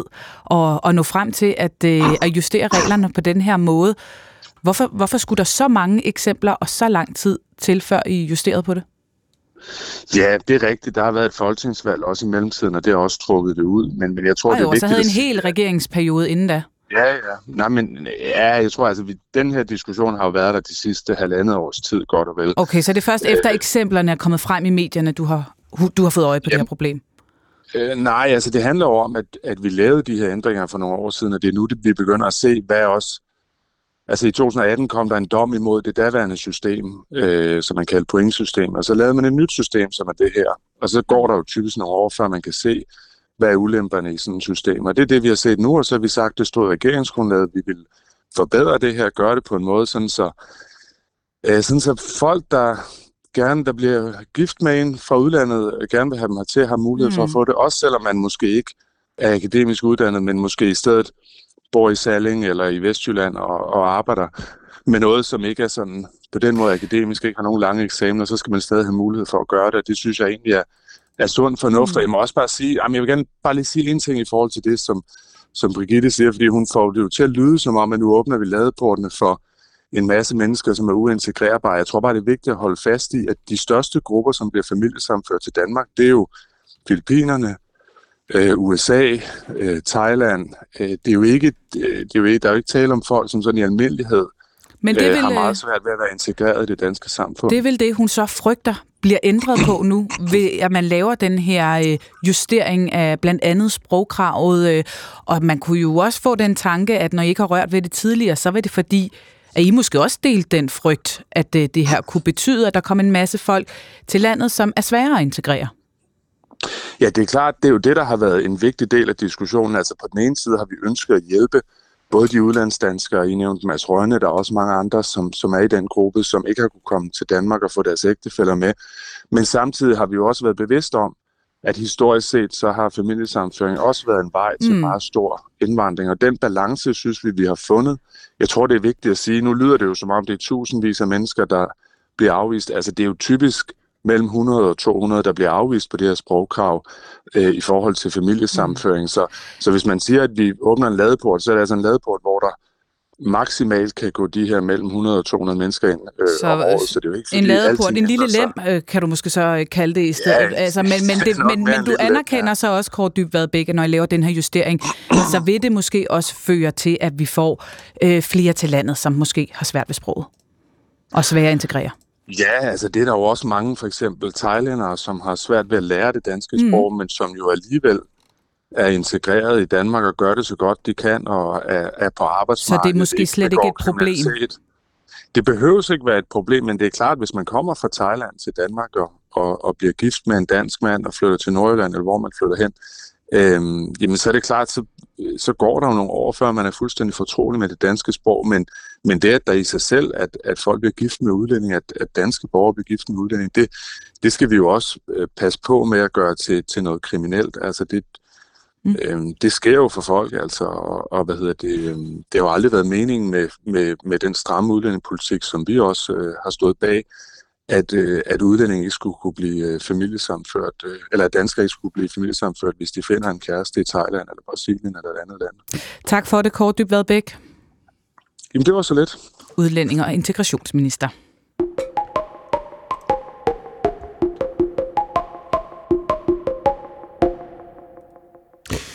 Der var storm, Pernille Rødbæk, natten mellem den 30. november og 1. december 1981. Vi, ja. øh, vi skal til øh, Hirtals. Det var øh, kutteren Hanna Dorte med tre fiskere ombord, som øh, endte med at forlise uden for havnens dækmole. Ja, den kunne simpelthen ikke komme ind i havnen, fordi det blæste øh, så meget. Og så sendte Hirtals et øh, split topmoderne redningsfartøj ud, RF2 hed det, for at redde de besætningsmedlemmer, som jo der på det tidspunkt lå øh, i vandet. Men RF2 endte med selv at kendre. Og da myndighederne så i første omgang øh, placerede et ansvar for ulykken, ja, så landede det hos styrmanden på RF2. Ja. Den historie, som er baseret på, eller som er fra virkeligheden, den kan man se på øh, film i biograferne. Den hedder Synke Fri og handler øh, om efterspillet. Godmorgen, Christian Andersen. Godmorgen. Filminstruktør og manden bag øh, Synkefri. Øh, det var jo en titel, som James Cameron kunne have kaldt sin Titanic film ja. næsten. Og det er jo fordi, man, man troede simpelthen ikke, at den kunne synke, det her redningsfartøj. Det gjorde det så alligevel. Men du har også leget lidt med en undertitel, som hed Ulykken ingen ville øh, tale om bagefter. Hvorfor ja. ville ingen tale om, hvad der skete? Jeg tror, at øh, ulykkens, øh, hvad kan man sige, Ja, natur i den forstand, at det sker så tæt på, på land, som det gør, det gør også, at man har utrolig mange øjenvidner. Alle øh, i Hirtshals øh, tog ned på havnen den nat for at øh, lyse og, og forsøge at øh, redde en ven, eller en fætter, eller en far, eller en bror. Øhm, og på den måde, så blev det bare et, øh, et virkelig, virkelig hårdt slag for hele byen. Øh, og Hirtshals gik igennem en kollektiv sorg. Og hvorfor betød den sorg, at man ikke ville tale om det? Jamen, jeg tror, man skal forstå, at på det her tidspunkt, der er fiskeriet jo så, øh, så vigtigt for byen. Altså, det er alt. Og det der store hav derude, det ligger der, og, og alle arbejder med det, og man er fisker, eller man er, øh, hvad skal man sige, arbejder på havnen, eller man er gift ind i det her, så er man en del af det. Og øh, alene tanken om, at det skulle være farligt at bevæge sig derud, jamen det vil jo stoppe alt øh, fremdrift i den her by. Og du har jo selv, øh, du har jo grebet historien fra, din, øh, fra dine egne minder, havde jeg sagt. Du er selv fra Hirtshals. Dine tre mm. storebrødre mistede deres far i ulykken. Hvordan påvirkede det din opvækst og livet omkring dig? Jamen, det er klart, at, øh, at, at jeg er født ind i en familie, hvor der lå den her øh, uforløst sorg, øh, men også altså, usagte. Altså, det var ikke noget, vi snakkede om. Altså, det var meget noget, jeg selv måtte øh, travle op på en måde. Øh, og, og man opdager jo selvfølgelig det ved, at øh, alle andre mennesker kender til din familie, fordi du opdager ligesom, at din egen familie indgår i en, øh, en større, en større øh, historie. Øh, men det er stadig ikke noget, vi snakker om, og, og især ikke med, med øh, altså, den afdøde. Der er ingen billeder, der er ikke noget, så jeg må ligesom selv fantasere omkring øh, min brødres far, hvordan han øh, så ud, og hvordan han var.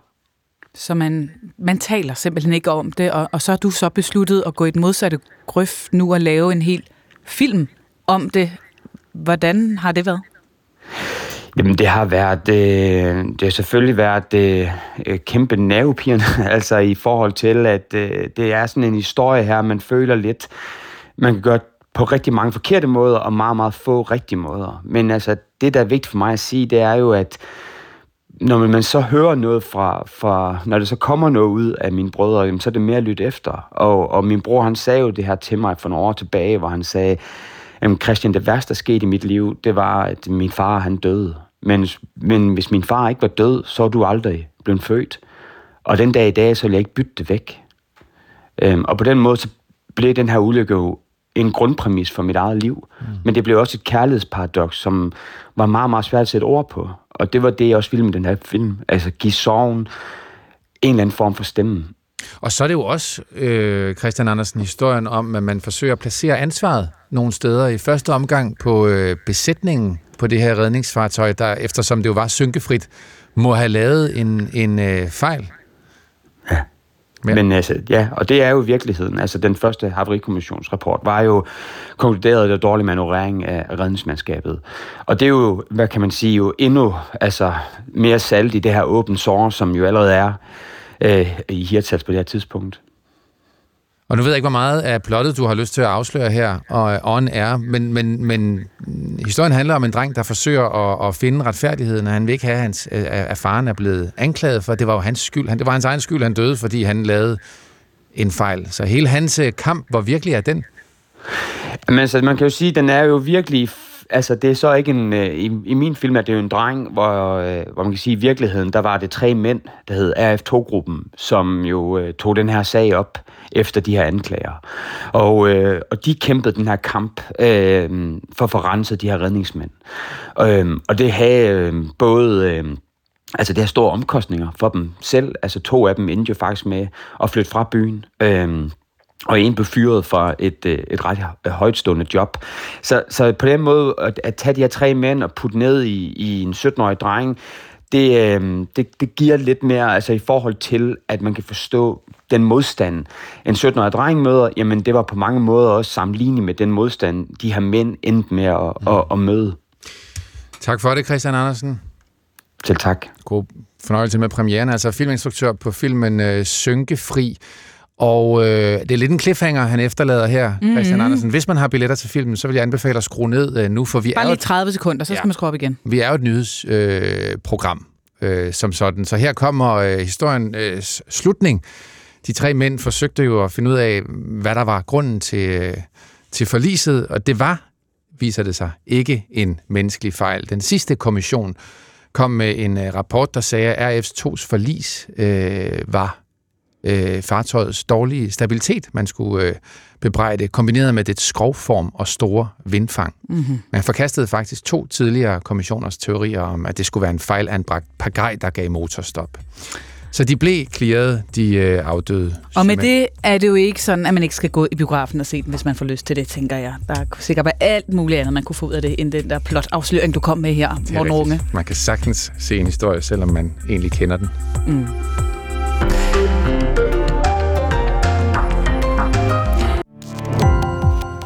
Gå på opdagelse i alle DR's podcast og radioprogrammer. I appen DR Lyd.